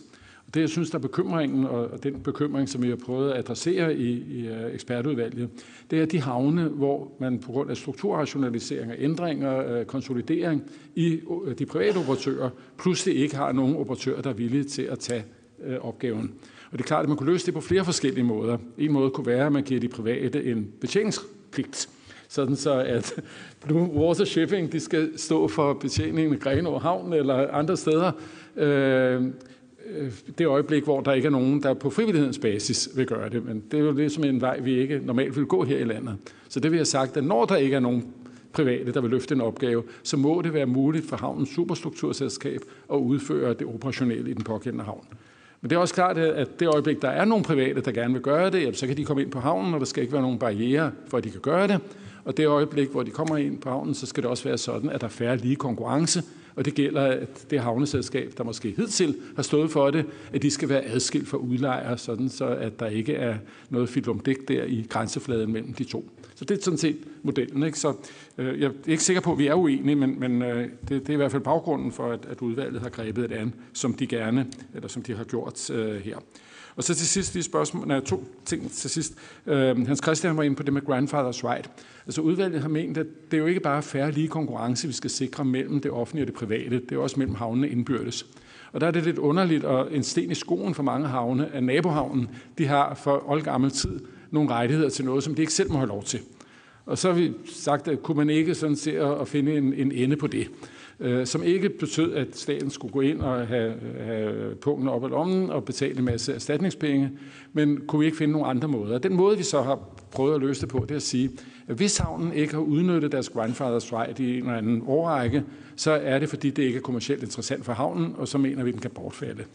Hvis det er sådan, at de udnytter den, så kan de fortsætte med den på lovlig grundlag, og så indgår det på den helt normale måde i det fremtidige samarbejde. Men ikke som grandfather's right, bare som de aktiviteter, de lovligt er udført, og som de nu lovligt kan fortsætte med at gøre. Og det er for at sikre, at øh, den her lille sten i skoen øh, bliver, bliver ryddet af vejen. Og jeg er helt enig med Tina, at det ikke er en stor sag, men det er dog alligevel sådan noget, som når man nu er i gang med at kigge på sagen, lige så godt kunne få, få ryddet op. Og så til sidst til, til Carstens bemærkninger om, om øh, medarbejder øh, deltagelse i, i ledelsen af havne. Det ligger jo i, i øh, ekspertudvalgets forslag, at det er den normale AS-lovgivning, som man følger, den normale selskabsret med de normale medarbejdere, øh, valgte bestyrelsesmedlemmer, som, øh, som vi kender fra alle mulige andre selskaber. Så der er vi fuldstændig på linje. Tak for det, Peter. Øhm, Claus Andersen har markeret, der er lige en reaktion på noget af det, du har sagt, Peter. Ja, bare lige en kort bemærkning omkring øh, øh Peters øh, øh pointe omkring, at øh, kran og, og pakhusdrift vil kræve opsplitning i to selskaber. Øh, vi, vi forstår, at det er måske ikke så øh, skrevet i sten, at det er nødvendigt. Vi, vi medgiver, at hvis man, skal, hvis man skal længere ud til højre, altså ud i generel havneoperation, så vil det kræve to selskaber. Men vi synes, man kunne, det, kunne være, det kunne være fint at få måske udfordret og fuldstændig afklaret, for vi har ikke indtryk af, at det vil kræve to selskaber, hvis havnene blot driver kran og pakhusdrift, men at det i så tilfælde kan klares med en, et afdelingsregnskab. Det er selvfølgelig vigtigt, at medgiver vi, at, at øh, de aktiviteter giver overskud. Det er jo situationen i dag, at mange kran, kranerne på, havnen, på havnene, de bliver udlejet med underskud, altså under, under prisen, hvad det koster. Så der vil sikkert ske en regulering for, at de kommer op på det, det koster at drive kranerne, og måske til dels også pakhusene. Og det skal man så kunne redegøre for i et separat regnskab. Ikke et separat selskab. Ja, Peter? Ja, det, det er helt korrekt. Altså, øh, man kunne sagtens klare det på den måde, hvis det var sådan, at vi var helt sikre på, at der ikke var nogen private, der også ville drive kranvirksomhed. Øh, og det sker jo en gang imellem. Altså, der er anlægsvirksomheder, som har overskudskapacitet på deres kraner og gerne vil betjene mindre kran en gang imellem. Og vi har hørt også i den høring, som blev afholdt i, i Nyborg, at der var en privat operatør, som mente, at det var helt urimeligt, at disse kraner de var så hundes billige ude omkring, fordi de blev subventioneret ved, at man brugte offentlige støtte kroner eller, øh, til at billiggøre kranerne til gavn og glæde for, for skibene, men ikke desto mindre altså på tværs af, af, af statsstøttebestemmelserne. Så, så, så hvis vi kan være helt sikre på, at der ikke kommer sådan noget der, så kunne man sagtens klare det, som, som du foreslår. Men der er jo den lille, den lille krølle på det også. Hvis vi nu gør det, vi siger, at vi har altså et infrastrukturselskab, og så har vi noget superstruktur, som er en del regnskabsmæssigt adskilt, men en del af, af infrastrukturselskabet. Øhm, men at der så er en havn, som nu pludselig ikke har nogen operatører på sig.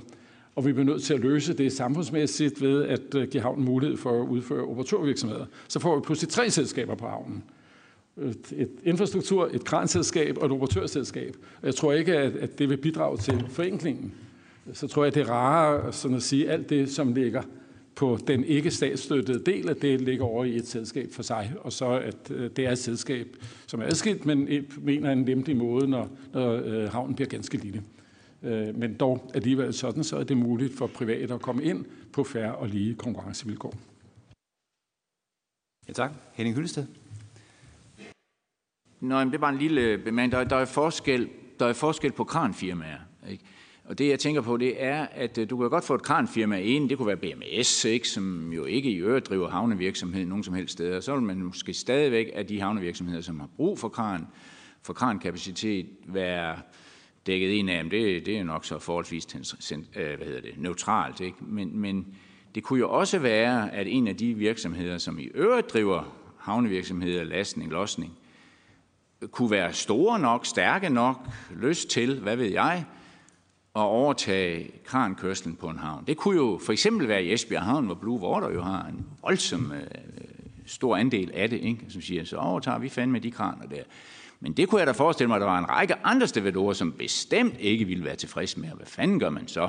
Så man er jo nødt til at have en eller anden form for neutralt organ, som et privat firma jo ikke i alle tilfælde i hvert fald vil kunne imødekomme. Ja, det, Skal jeg bare bekræfte det? Nej, jeg vil sige, det fornægter sig jo ikke, at, øh, at Henning han er havnearbejder. Vil du kommentere, Peter? Nej, men det er dejligt at høre folk, der var sendt på det. Øh, nej, sådan er det selvfølgelig, øh, og det gælder jo alle de der aktiviteter på en havn, at øh, en ting det er, at, at øh, man kan være lidt utilfreds, hvis man er operatør på havnen, om hvad havnen går og gør, men man er jo endnu mere utilfreds, hvis det pludselig er ens konkurrenter, der gør et eller andet, som man selv er afhængig af. Så, så det kræver en eller anden grad af, af, af sikkerhed på det. Men der er jo havne, der er store nok til, at der kan være mange, havne, øh, mange kranoperatører på havnen. Altså Aarhus kunne være stor nok til, at, der var flere, der drev private havne, og det sker jo sådan set også. Der er terminaler, som er egne havne, øh, eller der, der kører i en havn, og som har egne kraner osv. Så, øh, så det er klart, det som vi forestår i ekspertudvalget, det er bare, at det skal være muligt for havnen at have kranerne, men vi bare er nødt til at sikre, at det ikke sker med, øh, med offentlig statsstøtte. Ja. Tak. Så øh, ja, du får lige det er bare lige for at forstå dig helt, Peter. Det, så vil sige, det vil sige, at du medgiver, at man godt kan lave krandrift i infrastrukturselskabet, bare man, øh, bare man adskiller det regnskabsmæssigt i et, afdeling, i et kran-afdelingsregnskab og viser, at det giver overskud. Jamen, så er vi tilbage til den diskussion, vi havde lidt tidligere i dag, altså om, om hvorvidt øh, superstrukturaktiviteter de kræver et særligt selskab, eller de kan klares ved en regnskabsmæssig adskillelse. Øh, vores opfattelse har været, at der er to grunde til at, øh, at ønske en selskabsmæssig deling til det. Og det ene, det er, at det er tydeligt så for alle, at der ikke er en flow af statsstøttemidler til denne aktivitet. Og det gælder især for de konkurrenter, der vil ind og, og arbejde med det. Og, og den anden ting, det, det er sådan vores praktiske tilgang til det, at man skal jo løfte en bevisbyrde hele tiden, hvis man laver det med en, øh, i det samme selskab og med en regnskabsmæssig adskillelse. Man skulle kunne løfte bevisbyrden fra en hvilken som helst øh, offentlig eller, eller privat enhed, der går ind med at vise, at der ikke foregår noget som helst. Og det vil også sige, at man ikke med statsstøttemidler betaler lidt af direktørens løn, eller betaler lidt af snerydningen, eller betaler lidt af osv. osv. Alle de aktiviteter, der er på havnen, skal man kunne vise regnskabsmæssigt, at det er fuldstændig adskilt. Vi tror, det bliver meget mere bøvlet, og dem, der snakker om, at det er mere bekvemt at lave et fælles selskab, de ved ikke, hvad de taler om. Så er der spørgsmål fra Hans Christian Schmidt. Værsgo. Jeg synes, der har været nogle øh, virkelig gode indlæg. Men jeg synes også, øh, og det var måske mest Per, der fik mig sådan til at tænke lidt over det, at når I, I, I bruger en del tid på at sige, at man skal virkelig have det adskilt, og man skal virkelig sikre sig. Når, når folk bruger meget tid på at forklare sådan noget, så øh, sker det her på Christiansborg, at det er fordi, det ligger noget andet under. Altså, og, og derfor, derfor søger jeg lidt efter, om det er fordi, at I i grunden oplever, at havnene også sidder og bruger meget tid på at kan finde sådan nogle øh, smuthuller, eller lige et sted, hvor de i grunden kan gøre plads til sig selv, for så bagefter at sige, jamen sådan er loven jo. Fordi det er, jo, det er jo lidt vigtigt, når vi skal ind og kigge på det nu, at vi får det gjort helt rigtigt. Lad mig give et andet eksempel. I nævner også hele tiden det her nævn, som skal være der, og at de skal kunne sanktionere. Der er faktisk ikke så mange af jer, der har været inde på det i dag andet, end at jeg har hørt jer før sige det, at hvis, hvis ikke det nævn virkelig kan sanktionere, jamen så bliver det bare sådan noget med, at man kan sige, jamen det må I ikke. Nej, det kan da godt være. Og hvad så? Har du flertal for det, som vi siger ind? Altså, hvad, hvad tænker I på det der med, at man skal kunne sanktionere? Altså, hvordan skal man definere det for at være helt sikker på det? Ja, Øh, hvordan man skal sanktionere det og, og definere det, jamen det ved jeg altså for os, så, så tror jeg mere, altså, jeg tror, du skal tage det så, lidt, lidt udtryk for, der, der er en øh, øh, større og større mistillid i forhold til, til, til havneadministrationerne. Altså den, den der kommercialisering, der er af, af ledelsesgangen der, altså hvor de før har, har stået for infrastruktur, nu, nu vil de ud at sælge, det er uh, cruise fremstød i Miami, og de skal trække det ene og det andet. Altså det, som egentlig var overladt til, til havneoperatørerne før, de, de, der, der føler vi, at det, det vil havnene løbe med selv, og, og, og, og det skal der ikke være nogen hemmelighed, det vi har, har oplevet øh, på øen der i, i midten, jamen det, det, det gør der bare, at vores, vores tillid, jamen det, den er der væk. Øh,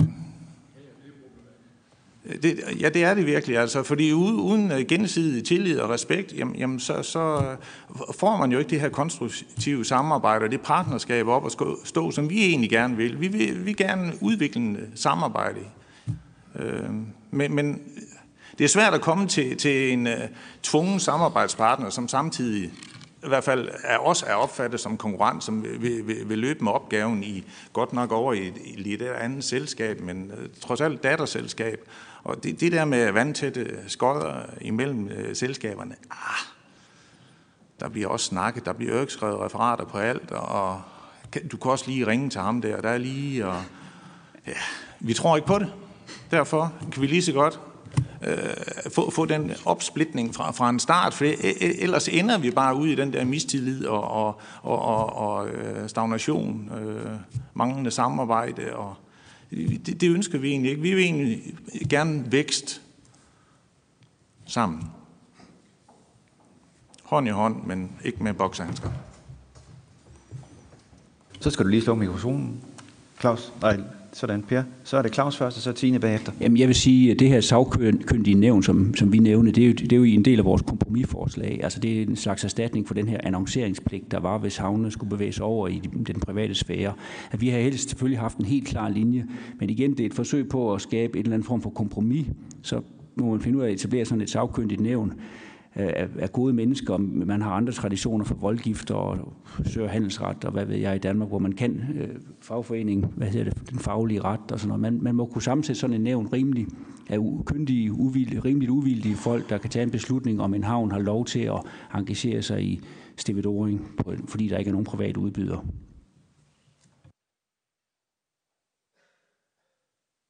Ja, øh, jeg vil egentlig gerne sige noget til, til Per her, og også til andre. Jeg synes, øh, at, det, at det er rigtig ærgerligt, hvis vi kommer til at sidde tilbage alle sammen med et indtryk af, at der er generelt mistillid mellem havnene og havnevirksomhederne på baggrund af en enkelt sag. Øh, jeg er ny direktør i, i Danske Havner, jeg har været rigtig meget rundt i Danmark. Det, det er altså bestemt ikke det, det indtryk, jeg sidder med, at, øh, at havne leder efter smuthuller, og de andre sidder og vogter os øh, Øh, hele tiden. Øh, jeg synes, det er ærgerligt, at vi har den sag, men der skal også to parter til at forlige den sag. Jeg synes ikke, den skal overskygge for øh, sektorens udvikling, og det, det vil jeg bare slå meget på tromme for. Og jeg vil også igen slå fast her, at øh, i Sverige og Finland, det er altså lande, der ligner os rigtig meget, der kan man godt øh, finde ud af at, at konkurrere mellem havn og private virksomheder, uden at man skal lave sådan et, øh, et øh, lidt bøvlet setup i en lov, og derfor synes jeg stadigvæk, at vi skal lave det her nabotjek, fordi øh, vi skal ikke øh, spænde ben for os selv og udviklingen af den samlede sektor, øh, fordi vi skal sidde og, og køre med en eller anden opgaveteori dagsorden. Der synes jeg, at vi skylder os selv at lige kigge øh, på, hvad gør de andre, og, og lære noget af dem. Øh, og, og så synes vi jo selvfølgelig, at det er ærgerligt, at... Øh, øh, vores AS-havne, som er kommersielle havne i dag, øh, hvis de ikke skal kan tilbyde de der one-stop, one-shop-løsninger, som, som de store kunder vil have. Altså det, det, jeg synes, øh, vi skal lige have det med i, i billedet også, øh, fordi kunderne, det, det er altså dem, vi lever af. Godt. Jeg synes, at øh, jeg vil godt stoppe den her lige nu. Det kan være, at vi kan fortsætte lidt senere, men jeg vil gerne sikre mig, at vi får vores to sidste oplægsholder på, inden, øh, inden vi skal afslutte. Så øh, hvis I holder lidt på hestene, hvad vil jeg sige, eller skibene, eller hvad det nu er, I har, så øh, kan I jo komme til ord lidt senere. Så vi øh, går over i det tredje og sidste sæt, og øh, der vil jeg så give ord til Sten Davidsen, som der er havnendirektør i Hvide Sandehavn. Værsgo, Sten. Tak, øh, og tak for invitationen til at komme i dag. Øh, jeg vil prøve at give et billede af Hvide Sandehavn, altså hvor, hvordan vi har udviklet os indtil nu, hvor vi er i dag, og hvad det er, der betyder noget for os, for at vi kan fortsætte vores udvikling. Øh, Sande er liggende, beliggende midt på den jyske vestkyst, imellem øh, Ringkøbing Fjord og Vesterhavet på Klittangen derude.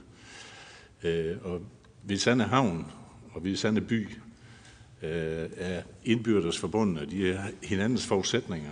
Uden havnen vil der ikke være grundlag for et samfund i Hvide Øh, det er både en udfordring, men det er også et potentiale for os i den måde, vi har udviklet os på.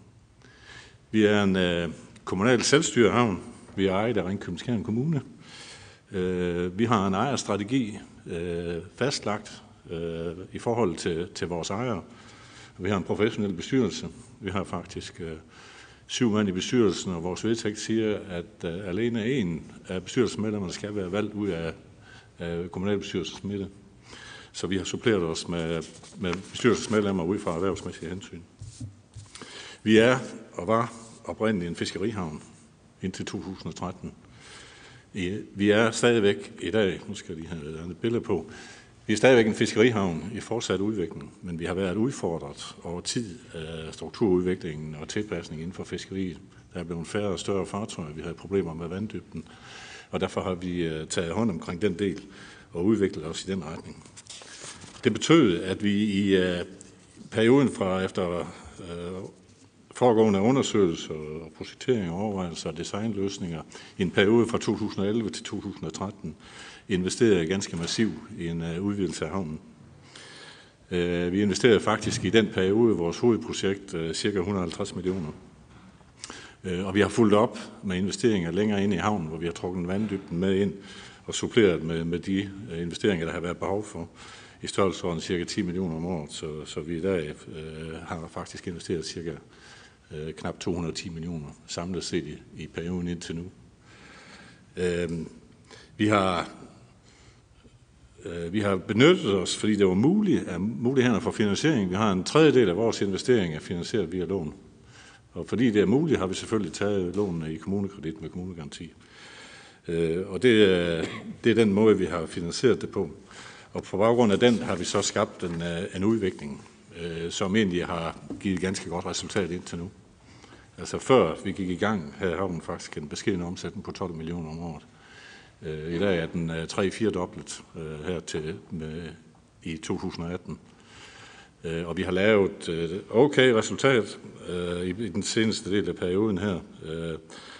Og det er et resultat, som vi har brug for, og det har vi for fortsat at underbygge og skaber os mulighed for at, gennemføre de fortsatte investeringer. Vi er ikke, selv, vi er ikke i mål endnu, Øh, og det er klart, at øh, det har hjulpet os, at vi ikke har skulle betale udbytte til vores ejere, det siger sig selv, øh, og at vi heller ikke har betalt skat. Men vi har skabt en udvikling, som, som er bæredygtig, som vi ser det. Altså før vi gik i gang med udviklingen, havde vi, da vi var udelukkende af fiskerihavn, havde vi cirka 460 arbejdspladser. Og det fastslog vi i en oplandsanalyse, inden vi gik i gang. Øh, og vi har fulgt op her i 17 med, med baseret på 16-tal og skabt faktisk yderligere, øh, og kan se, at der i havneområdet, ikke ved Sande Havn, men havneområdet og virksomheder omkring havnen, er skabt cirka yderligere 200 arbejdspladser.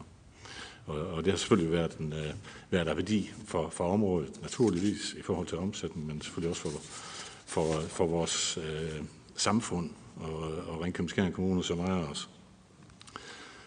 Øh, det er skabt på baggrund af et samarbejde øh, imellem havnen øh, og en lang række virksomheder på havnen. Et øh, uforpligtende, men tillidsfuldt samarbejde. Vi stiftede faktisk i, i to, oktober 2011, da vi gik i gang med øh, vores store havneudvidelse, stiftede vi øh, en øh, forening, et netværk, erhvervsnetværk, hvor havnen bare er en af de mange spillere. Dengang var vi nogen af 20, nu er vi faktisk før med i det arbejde. Og udover at sikre den fortsatte, fiskeriudvikling, som var grundlag for vores arbejde, har vi i det samarbejde fokuseret på faktisk på ikke at kun have et ben, men fire ben. Altså vi har øh, skabt aktiviteter inden for transport, offshore, øh, offshore vind i hvert fald, øh, og, øh, og fiskeri naturligvis som fortsat udvikling. Øh, og som mange vil vide, altså, så er vi en øh, øh populær destination, også turistmæssigt. Så, så havnen som sådan har en enorm øh, turistmæssig tiltrækningskraft. Den levende, aktive havn, og det er med baggrund i de aktiviteter, der er på havnen, og dem, der udfolder sig. Det er ikke, øh, hvad skal man sige, det er ikke øh, uh, aktiviteter det er ikke en kulisse, det er, det, er, det er rigtige aktiviteter, som man kan se og opleve, når man besøger byen, og det er faktisk det, vi oplever, der, der er rigtig mange, der er interesseret i. Vi vil gerne fortsat kunne udvikle os, og vi har brug for rum og rammer for at kunne gøre det. Øh, og det, øh, det er jo naturligvis rammerne, som, øh, som fastlægges i dag i havneloven. Vi har udnyttet øh, rammerne og mulighederne i den nuværende havnelov og skabt den her udvikling. Men det, der betyder rigtig meget for os, det er, at vi med en ny havnelov, hvis den kommer, når den kommer, så er det vigtigt for os at sikre, rammerne for, at vi fortsat kan fortsætte den her udvikling. Øh, og på en måde skabe fortsat vækst og værditilvækst i området. Øh, og nogle af de ting, som vi synes øh, skal være fokuspunkter i den sammenhæng, det er, det er nævnt rigtig mange gange før, det er, det er klare rammebetingelser, så vi, vi selv kan læse og forstå øh, reglerne, så de virker logiske, så vi kan arbejde efter dem. Vi vil rigtig gerne, og selvfølgelig vil vi det, følge reglerne, men vi har behov for at kunne forstå grundlaget for dem. Og så er det naturligt også, at der, er meget, der har ikke været talt meget om det i dag, men altså det, den der snak omkring overimplementering af EU-bestemmelserne, at der, der er meget fokus på det, fordi det er der, vi ser en risiko for, at øh, det kan give os øgede administrative byrder. Øh, og uh, konkurrenceforhold er vi ikke så meget ramt af, men det kan jeg se, det betyder rigtig meget for mange af vores kollegaer. Uh, og så har vi brug for, synes vi, fordi vi kan ikke se formålet andet at bevare frihedsgraderne til at organisere os inden for de øh, krav, der nu måtte blive sat omkring det. Øh, herunder også i forhold til selskabsformerne.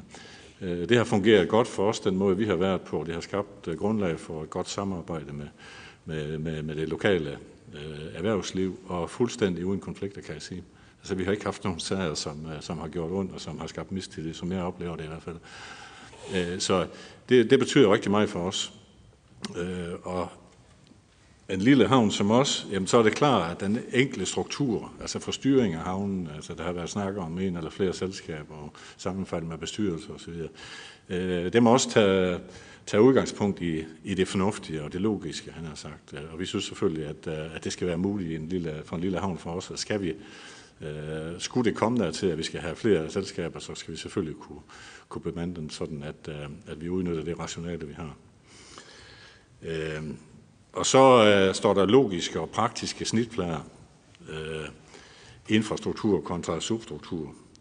Altså, øh, også der øh, er det rigtig vigtigt for os. Øh, nu har det været nævnt en lille smule, men for eksempel forsyningsområdet, som jeg har set øh, idéer og tanker om, øh, inden for el og vand og, og spildevand og affald, at, at det skal være substrukturaktiviteter og lægges over i et selskab af den karakter det, det er fuldstændig uforståeligt for os. Altså, det er i forvejen øh, hvad skal man sige, forsyningsforhold, som er jo er præget af monopollignende tilstand i dag.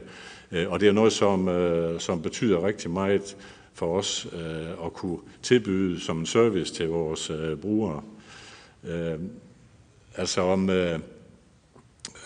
el og vand øh, og spildevand. Øh, jeg tror ikke, der er ret mange, der kærer sig om det af vores øh, brugere. Det skal bare fungere, og, for os er det ikke en forretning. Altså det skal bare hvile i sig selv, han har sagt. Øh, og det gør det. Øh, og helt grotesk bliver det, hvis vi taler om affald, som jo mange vil kende reglerne omkring det, man kalder no special fee. Altså vi er forpligtet til at tage den affald, som skibene kommer ind med, som de har genereret siden sidste havn, og vi skal tage den og tage den op og håndtere den efter gældende regler. Øh, og det skal vi gøre som det infrastrukturselskab, vi, skal, vi er, og det skal selvfølgelig ligge der. Øhm. Så øh, er det rigtig vigtigt, som jeg fortalte om, det der betyder noget for os, øh, at vi kan arbejde sammen med, med virksomhederne. Vi er et lille område og en lille havn, og mange af funktionerne og forretningsområderne er små. Og det er der, hvor vi har udviklet den der tradition for, at øh, vi selvfølgelig i bevidstheden omkring havneloven, men alligevel jo støtter hinanden i, så vi udnytter de ressourcer, vi har, og fordeler dem og bruger dem der, hvor, hvor behovet er der. Og det er faktisk noget af det, som øh, betyder rigtig meget for os at, at kunne fortsætte af den vej. Vi har ikke øh, endnu, meget bekendt, ja det har vi ikke, vi har ikke taget opgaver fra nogen, og vi har ikke Øh, øh taget nogle opgaver, som øh, nogen stod og ønskede. Vi har et enkelt tilfælde, hvor vi har været ude og annoncere, det var i forbindelse med noget helt andet, nemlig køb af en vindmølle, Øh, og det, øh, øh og der, det gjorde vi selvfølgelig inden for gældende regler. Men den der smidighed, øh, den har vi rigtig meget brug for. Øh, og det sidste, jeg lige vil sige, øh, og som står på, på planchen her, altså det er lige adgang til infrastruktur herunder det overordnede vejnet. Så kan man sige, hvad har det med havneloven at gøre? Øh, og det kan man selvfølgelig diskutere, men, men det, er, det er selvfølgelig en opmærksomhed på, at som I ved, og som jeg har fortalt, så har vi udviklet os fra en fiskerihavn til også at være en transporthavn øh, Øh, inden for nogle aktiviteter, også inden for offshore vinder, der køres øh, emner, og det har skabt meget mere trafik. Og den der, det der tidligere princip omkring, at øh, uh, trafikhavnen skal have forbindelse til at overordne vejnet på en god og sikker og fremkommelig måde, det er rigtig vigtigt for os at fastholde. Så det er jo faktisk det, som er vores ønsker, og som er vores baggrund også for de ønsker, vi har. Tak for det. Du må slukke der. Er der opklarende spørgsmål? Det er der ikke. Så kan vi øh, fortsætte til vores øh, sidste oplægsholder i dag, og det er Thomas Bensen, som er direktør i Rønnehavn. Værsgo, Thomas. Tak for det, og øh, tusind tak, fordi at vi fik lejlighed til at være her i dag og give vores synspunkter til kende. Øh, det, I ser på billedet i dag, det er den havneudvidelse, der er gang i på Bornholm. Øh, den kører efter skinner. Vi øh, udvider øh, for i alt 610 millioner, og øh, den havneudvidelse her øh, skal bruges til vindmøller, der kommer senere til gavn for Bornholm, de private virksomheder, der er etableret på Bornholm. Så det glæder vi os til, at øh, den er færdig, og den er for øvrigt øh, finansieret 100% kommercielt i bankerne. Jeg vil starte et sted øh, med lige at fortælle lidt om Rønnehavns udvikling. Øh, vi har som mange andre, eller de fleste andre havne, øh, haft øh, øh, været øh, en del af den kommunale organisation i Rønne, og vi øh, valgte ret tidligt omkring år 2000 at blive det, man kalder for en aktieselskabshavn i dag. Øh, vi arbejder målrettet med øh, en ejerstrategi og forretningsstrategi. Vores ejere har sagt øh, meget konkret til os, hvad er det, vi skal opnå, hvad er det, vi skal skabe med havnen, og vi arbejder benhårdt på at skabe forudsætninger for erhvervslivet på Bornholm. Vi anser os selv for at være forudsætningsskabere. En af de ting, der også har gjort, at vi har kunnet investere, det er, at vi har fået en professionel bestyrelse med øh, bestyrelsesmedlemmer, der har kompetencer, jævnfører vores forretningsstrategi, og så arbejder vi efter anbefalingerne for god selskabsledelse, øh, hvor at vi sørger for, at vægten af bestyrelsesmedlemmer er uafhængige bestyrelsesmedlemmer. Øh, vi arbejder også efter en langsigtet masterplan. Den strækker sig faktisk frem til 2050, øh, så jeg skal blive på arbejdsmarkedet nogle år endnu, er der nogen, der siger. Men øh, øh, det gør vi simpelthen for at sikre de investeringer, vi laver. Det er investeringer, der sikrer øh, øh, øh, havnens rolle som forudsætningsskaber og forsyningshavn til Bornholm.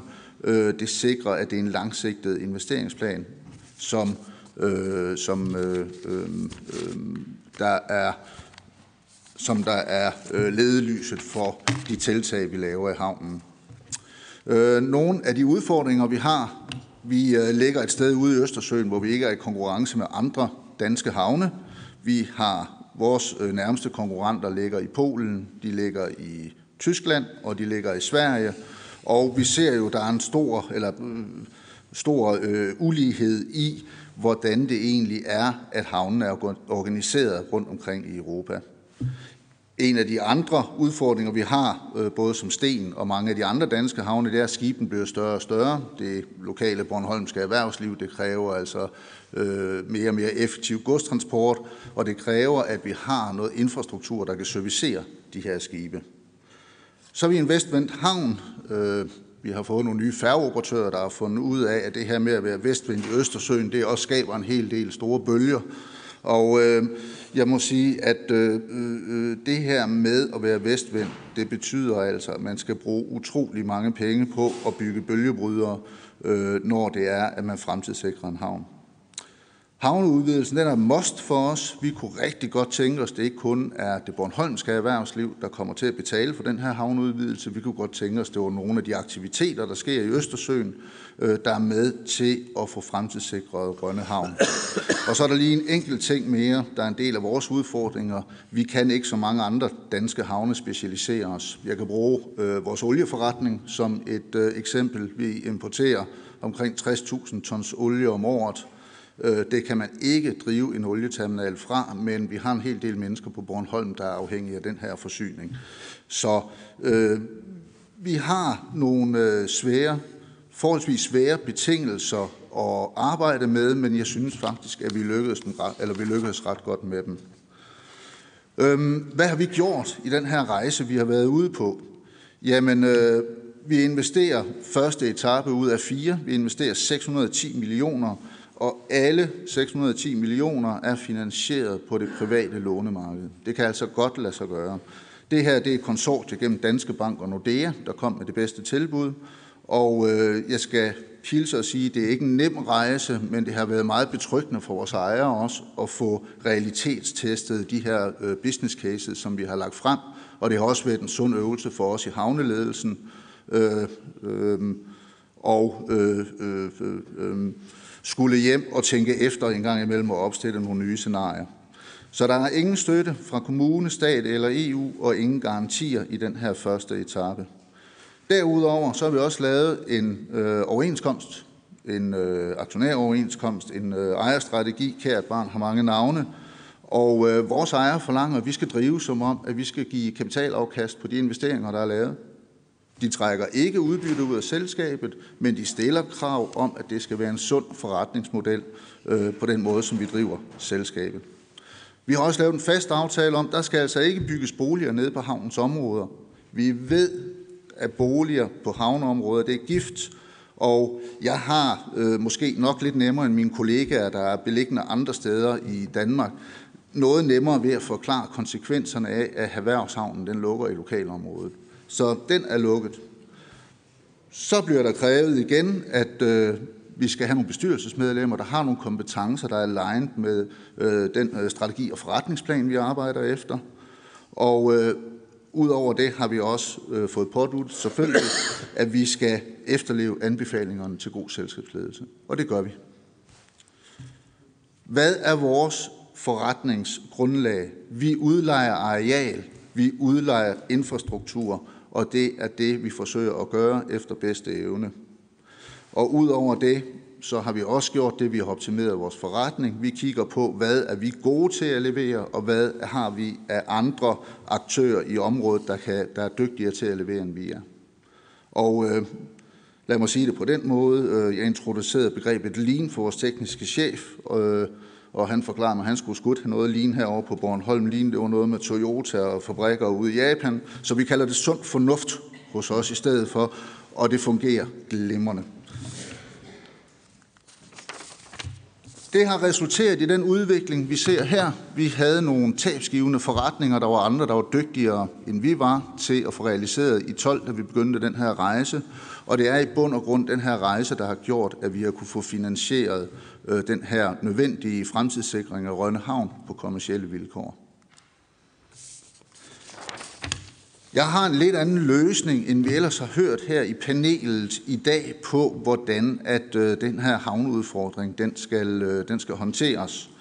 Øh, jeg er en af dem, der godt der mener, at et øh, havneselskab sagtens skal drives kommercielt. Jeg er en af dem, der faktisk er enig med panelet her i, at det her med monopoler, det er altså noget skidt. Øh, så jeg har et løsningsforslag, der siger, sæt nu havnene fri hvis det er sådan, at ejeren de ønsker det. Øh, lad havnene finansiere sine havneudvidelser og hvad der skal til kommercielt. Øh, lad dem drive det efter selskabsloven og rive havneloven i stykker. Til gengæld skal det være sådan, at det ikke er et havneselskab, der kan bestemme, hvem det er, der skal udføre de her ydelser, der sker på havneområderne. Der skal være lige og færre konkurrence. Jeg mener, det er hammerne vigtigt, at en havn ikke selv udgør et monopol ved øh, de her øh, følgeservices, som der er øh, i havnebranchen. Men jeg mener da også, det er lige så vigtigt, at vi ikke får et privatejet monopol. Det sker der jo rundt omkring. Så jeg har øh, øh, tilladt mig at introducere begrebet, der hedder en dobbelt udfordringsret. Vi skal have lov til at udfordre hinanden for at blive dygtigere. Hvis, vi, hvis der er nogle ejere, der ønsker at få udbetalt udbytte af sådan et havneselskab, Yes, fint. Jeg øh, er ikke tilhænger af, at man øh, overkapitaliserer selskaber, så hvis der er øh, øh, øh øh, kommuner, altså ejere af havne, der ønsker at, øh, at, øh, benytte øh, øh, de her indtægter, der ligger i havneselskaber, til andet end at bygge havneinfrastruktur, så kan man gøre det. Det kunne også være, at der var øh, ejere, der ønsker, at man skulle bruge dem til at nedsætte taksterne, for at man blev mere konkurrencedygtig over for de brugere, der er i havnen. Det kunne man også gøre. Man kunne kræve sådan et selskab, at øh, I skal finansiere privat. Hvis det er sådan, I skal have udfordringsretten over for det private erhvervsliv, jamen øh, så skal det være på fuldstændig lige vilkår. Der er nogle ting, man kan gøre for at sikre, at, øh, at, øh, at øh, man får øh, den mest effektive håndtering af godset, som at noget af det, som Peter Maskell også spørger om her i, øh, i hans forslag til at håndtere det her. Og øh, det her sagtens, eller det er nogle ting, som vil blive implementeret i havne helt automatisk, hvis det er sådan, at man øh, tænker kommercielt. Og så er der en ting, jeg synes, der er lidt betænkelig, som der heller ikke er nævnt nogen steder. Jeg mener, at havneinfrastruktur, det er vital øh, dansk infrastruktur. Så i stedet for, at man skal have krav om, at man skal have så og så meget øh, øh, kapital i, så mener jeg, det er vigtigt, at man faktisk kommer ind og så får lagt et loft på, hvor meget af den her danske havneinfrastruktur, man kan sælge ud. Og så skal man betale skat øh, i, et, øh, i et sådan selskab. Så det, jeg egentlig foreslår her, det er en overbygning til, øh, til det her forslag, der er kommet. Sæt havnene fri, kalder jeg det. Og øh, jeg vil tro, at det medfører, den her øh, kommercielle øh, tilgang vil medføre, at øh, havnene de egentlig holder sig fra nogle af de her områder, hvor vi har nogle dygtige private operatører, og så fokuserer på at drive infrastrukturselskabet. Tak for det. Ja, jeg skal lige Nå, være færdig, hvis det er i orden. Jeg troede, du var færdig. Så jeg har tre pinde her. Sæt nu havnene fri. Sørg for, at der er god konkurrence. Jeg har to herrer, jeg vil elske at have som kunder over hos mig i, uh, i Rønnehavn. Jeg skal rulle den røde løber ud og det hele. Bevar ejerskabet på offentlige hænder. Og så vil jeg altså også tillade mig at sige, det kan godt lade sig gøre at drive en havn kommercielt og effektivt. Vi behøver ikke at have øh, øh kapitalfonde og egnet ind i ejerskabet. Det kan godt lade sig gøre med offentligt ejerskab. Så må du gerne sige tak. Jamen, det gør jeg så. Du skal lige slukke mikrofonen. Sådan. Det er kun fordi, det runger så voldsomt. Og det er fordi, jeg kiggede på uret og tænkte, nå, så nu er du færdig. Det er du så nu. Det er rigtig fint. Allerførst skal jeg lige høre, om der er opklarende spørgsmål øh, til Thomas. For ellers skal vi gå over til sådan en debatrunde. Det er godt. Så tager vi en debatrunde, og vi har sådan godt og vel 10 minutter, inden vi skal afslutte. Så øh, hvis der er nogen, der har lyst til at, at spørge om noget, så ved jeg, at Peter Maskel, han har. Maskel. Maskel. Er det det, jeg trykket er? Det er bare fordi, at det, det bliver sagt lidt forskelligt. Maskel. Okay, det er godt. Ja, ja. Nå, men så er det dig, der får ordet, Peter. Mm.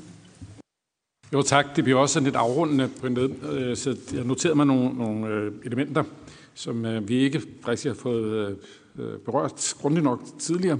Det ene det er i forbindelse med overimplementering. Det bliver sådan tit brugt som et skældsord. I går der så jeg Coop. De havde besluttet, at de nu ville sælge øh, grøntsager med mindre pesticider, nemlig halvt så meget, som den offentlige grænse lå på. Så det overimplementerer, så jeg antager, at det vil være anset for positivt.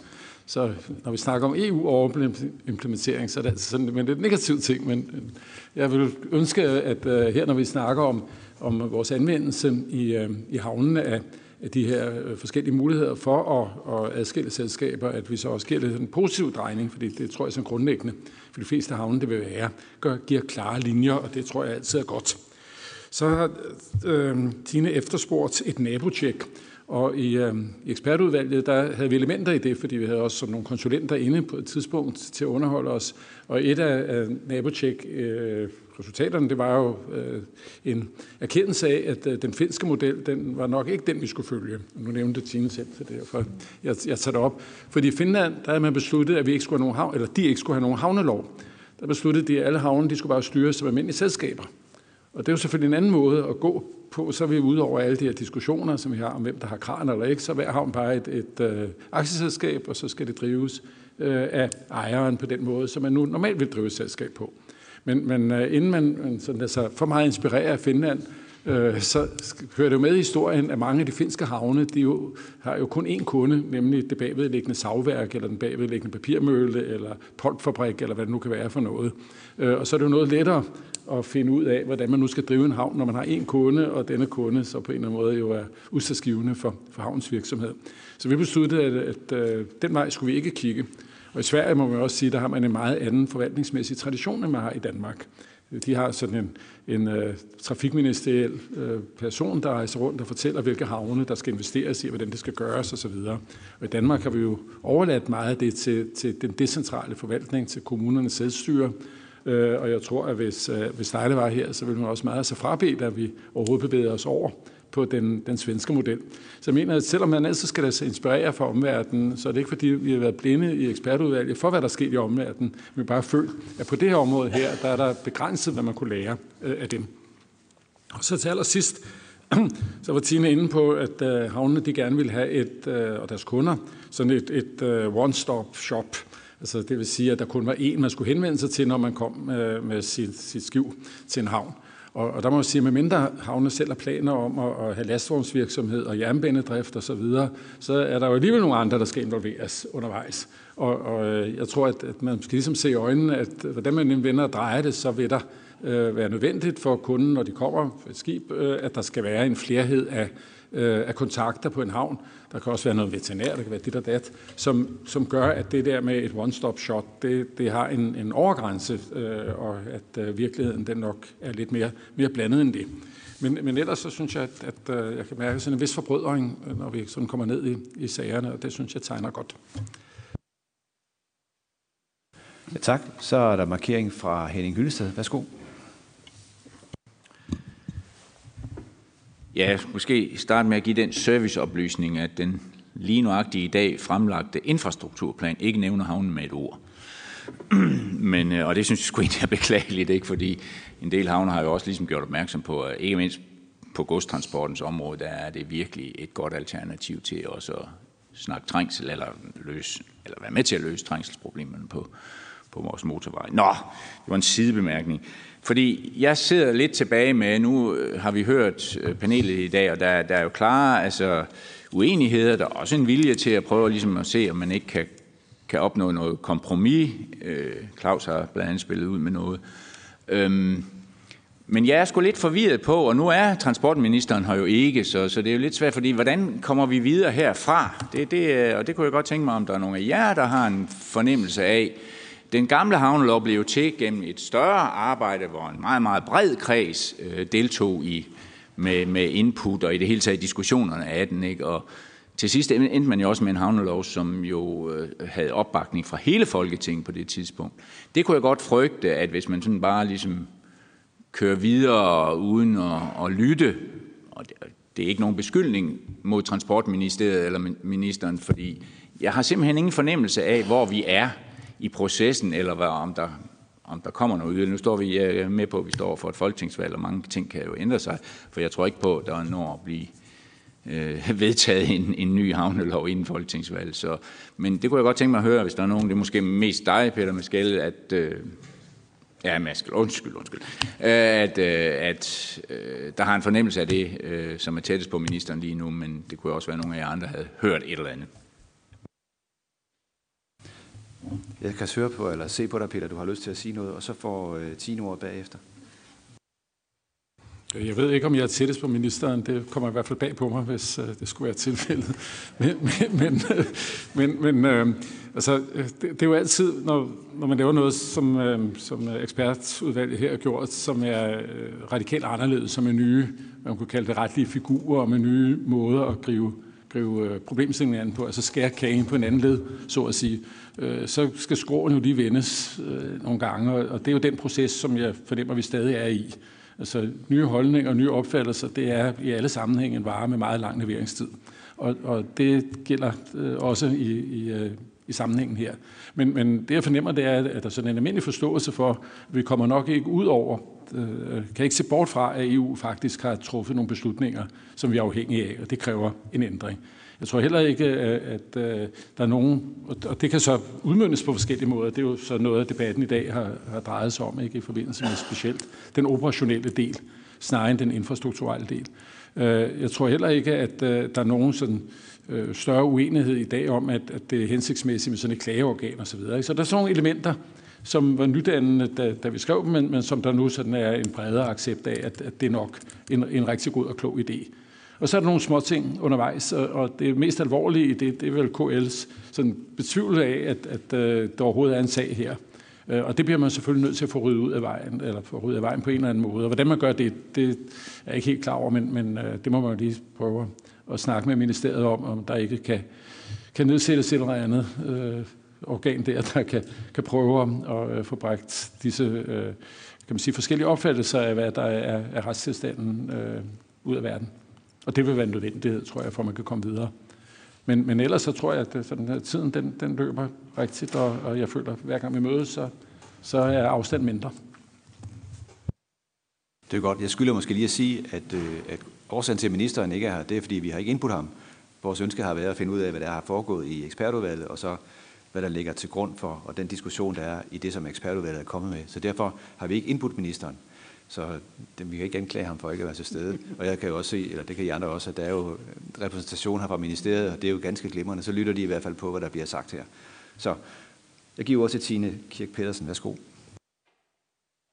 Ja, jeg vil bare lige øh, svare Peter omkring det der nabotjek. Jeg synes, det er rigtig fint, at man har kigget på, på Finland og Sverige, men der findes også havne i Finland, der har mere end én kunde. Så, øh, så der er altså lidt at kigge på der, og det ville da være super fedt, hvis der også rejste en øh, statsperson rundt med penge til havne i Danmark. Sådan, sådan er det ikke, øh, og, og det rokker ikke ved, at i Sverige har man nogle andre modeller for at få det der offentlige-private samarbejde til at spille.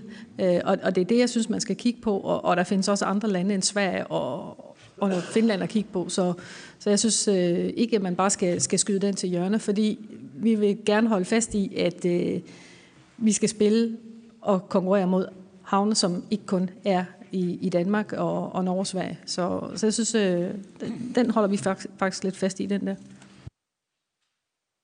Ja, Claus? Jeg synes, det er en god idé at kigge mod Sverige. Det skulle da være til skræk og advarsel. Altså, ja, nu kender vi jo en lille smule til Sverige, og de, danske, de svenske havne, det er jo typisk havne, hvor havneadministrationen, altså infrastrukturen, står for det hele, både kursoperationen og infrastrukturserviceringen. Og øh, det, det har det blandt andet det resultat, at svenske havne er betydeligt dyrere end danske, og vi ikke kan arbejde i weekenden, og vi har tidligere her de sidste par år haft øh, voldsomme strækker og uro i Göteborg, og øh, de, de havne, der kan, og det, øh, strækken og uroen i Göteborg, det var blandt andet, fordi de forsøgte at omdanne havnen til noget, der begynder at ligne danske øh, øh, forhold, altså en privatisering af, af selve havneoperationen. Så det kan man helt sikkert lære mere af, hvis man kigger nærmere på. Ja, tak. Er der flere, der ønsker ordet lige nu? Det er der ikke. Vi nærmer os det, det tidspunkt, hvor vi skal til at afslutte, så øh, jeg tænker, at øh, det vil jeg gå i gang med at, at gøre. Jeg synes, at øh, vi har fået rigtig mange nyttige oplysninger. Vi har fået gode budskaber frem, og vi har også fået synspunkterne frem, synes jeg, med al tydelighed. Øh, både der, hvor der er enighed, og også hvor der er uenigheder. Og også de, hånd, de hænder, der er rakt frem for at nå, og ligesom få lagt en bro hen over de uenigheder, som, som det nu måtte være. Alt sammen det er jo vigtige input, og dem vil jeg og de øvrige udvalgsmedlemmer øh, tage med i vores øh, videre arbejde. Jeg vil gerne øh, igen på udvalgets vegne tak til alle øh, oplægsholderne, og øh, vi har tradition for øh, her i udvalget, at øh, når vi inden vi går herfra, så får I en, en lille erkendelighed med herfra som en, en lille gave, som jeg vil overrække jer, når, når vi er ligesom færdige med den her øh, formelle del hvis der er nogen, der skulle have lyst til at øh, gense den her høring, så er der mulighed for at gøre det på øh, Folketingets øh, hjemmeside. Og de præsentationer, som der er blevet vist her i dag, dem er der mulighed for at øh, se på øh, udvalgets hjemmeside, hvis man har øh, lyst til det. Og der vil de blive lagt ud snarest muligt. Jeg kigger ned på Per, jeg ved ikke lige, hvornår det er, men det er snarest muligt. Det er ikke i dag, det tror jeg ikke på, men så meget hurtigt. Det skal være mine slutbemærkninger. Jeg vil gerne sige tak til jer alle sammen for øh, at komme her i dag. Øh, nu har vi også siddet her i mere end to timer, så er der nu der er behov for at få strakt benene. Så tak til jer alle sammen, og kom rigtig godt hjem.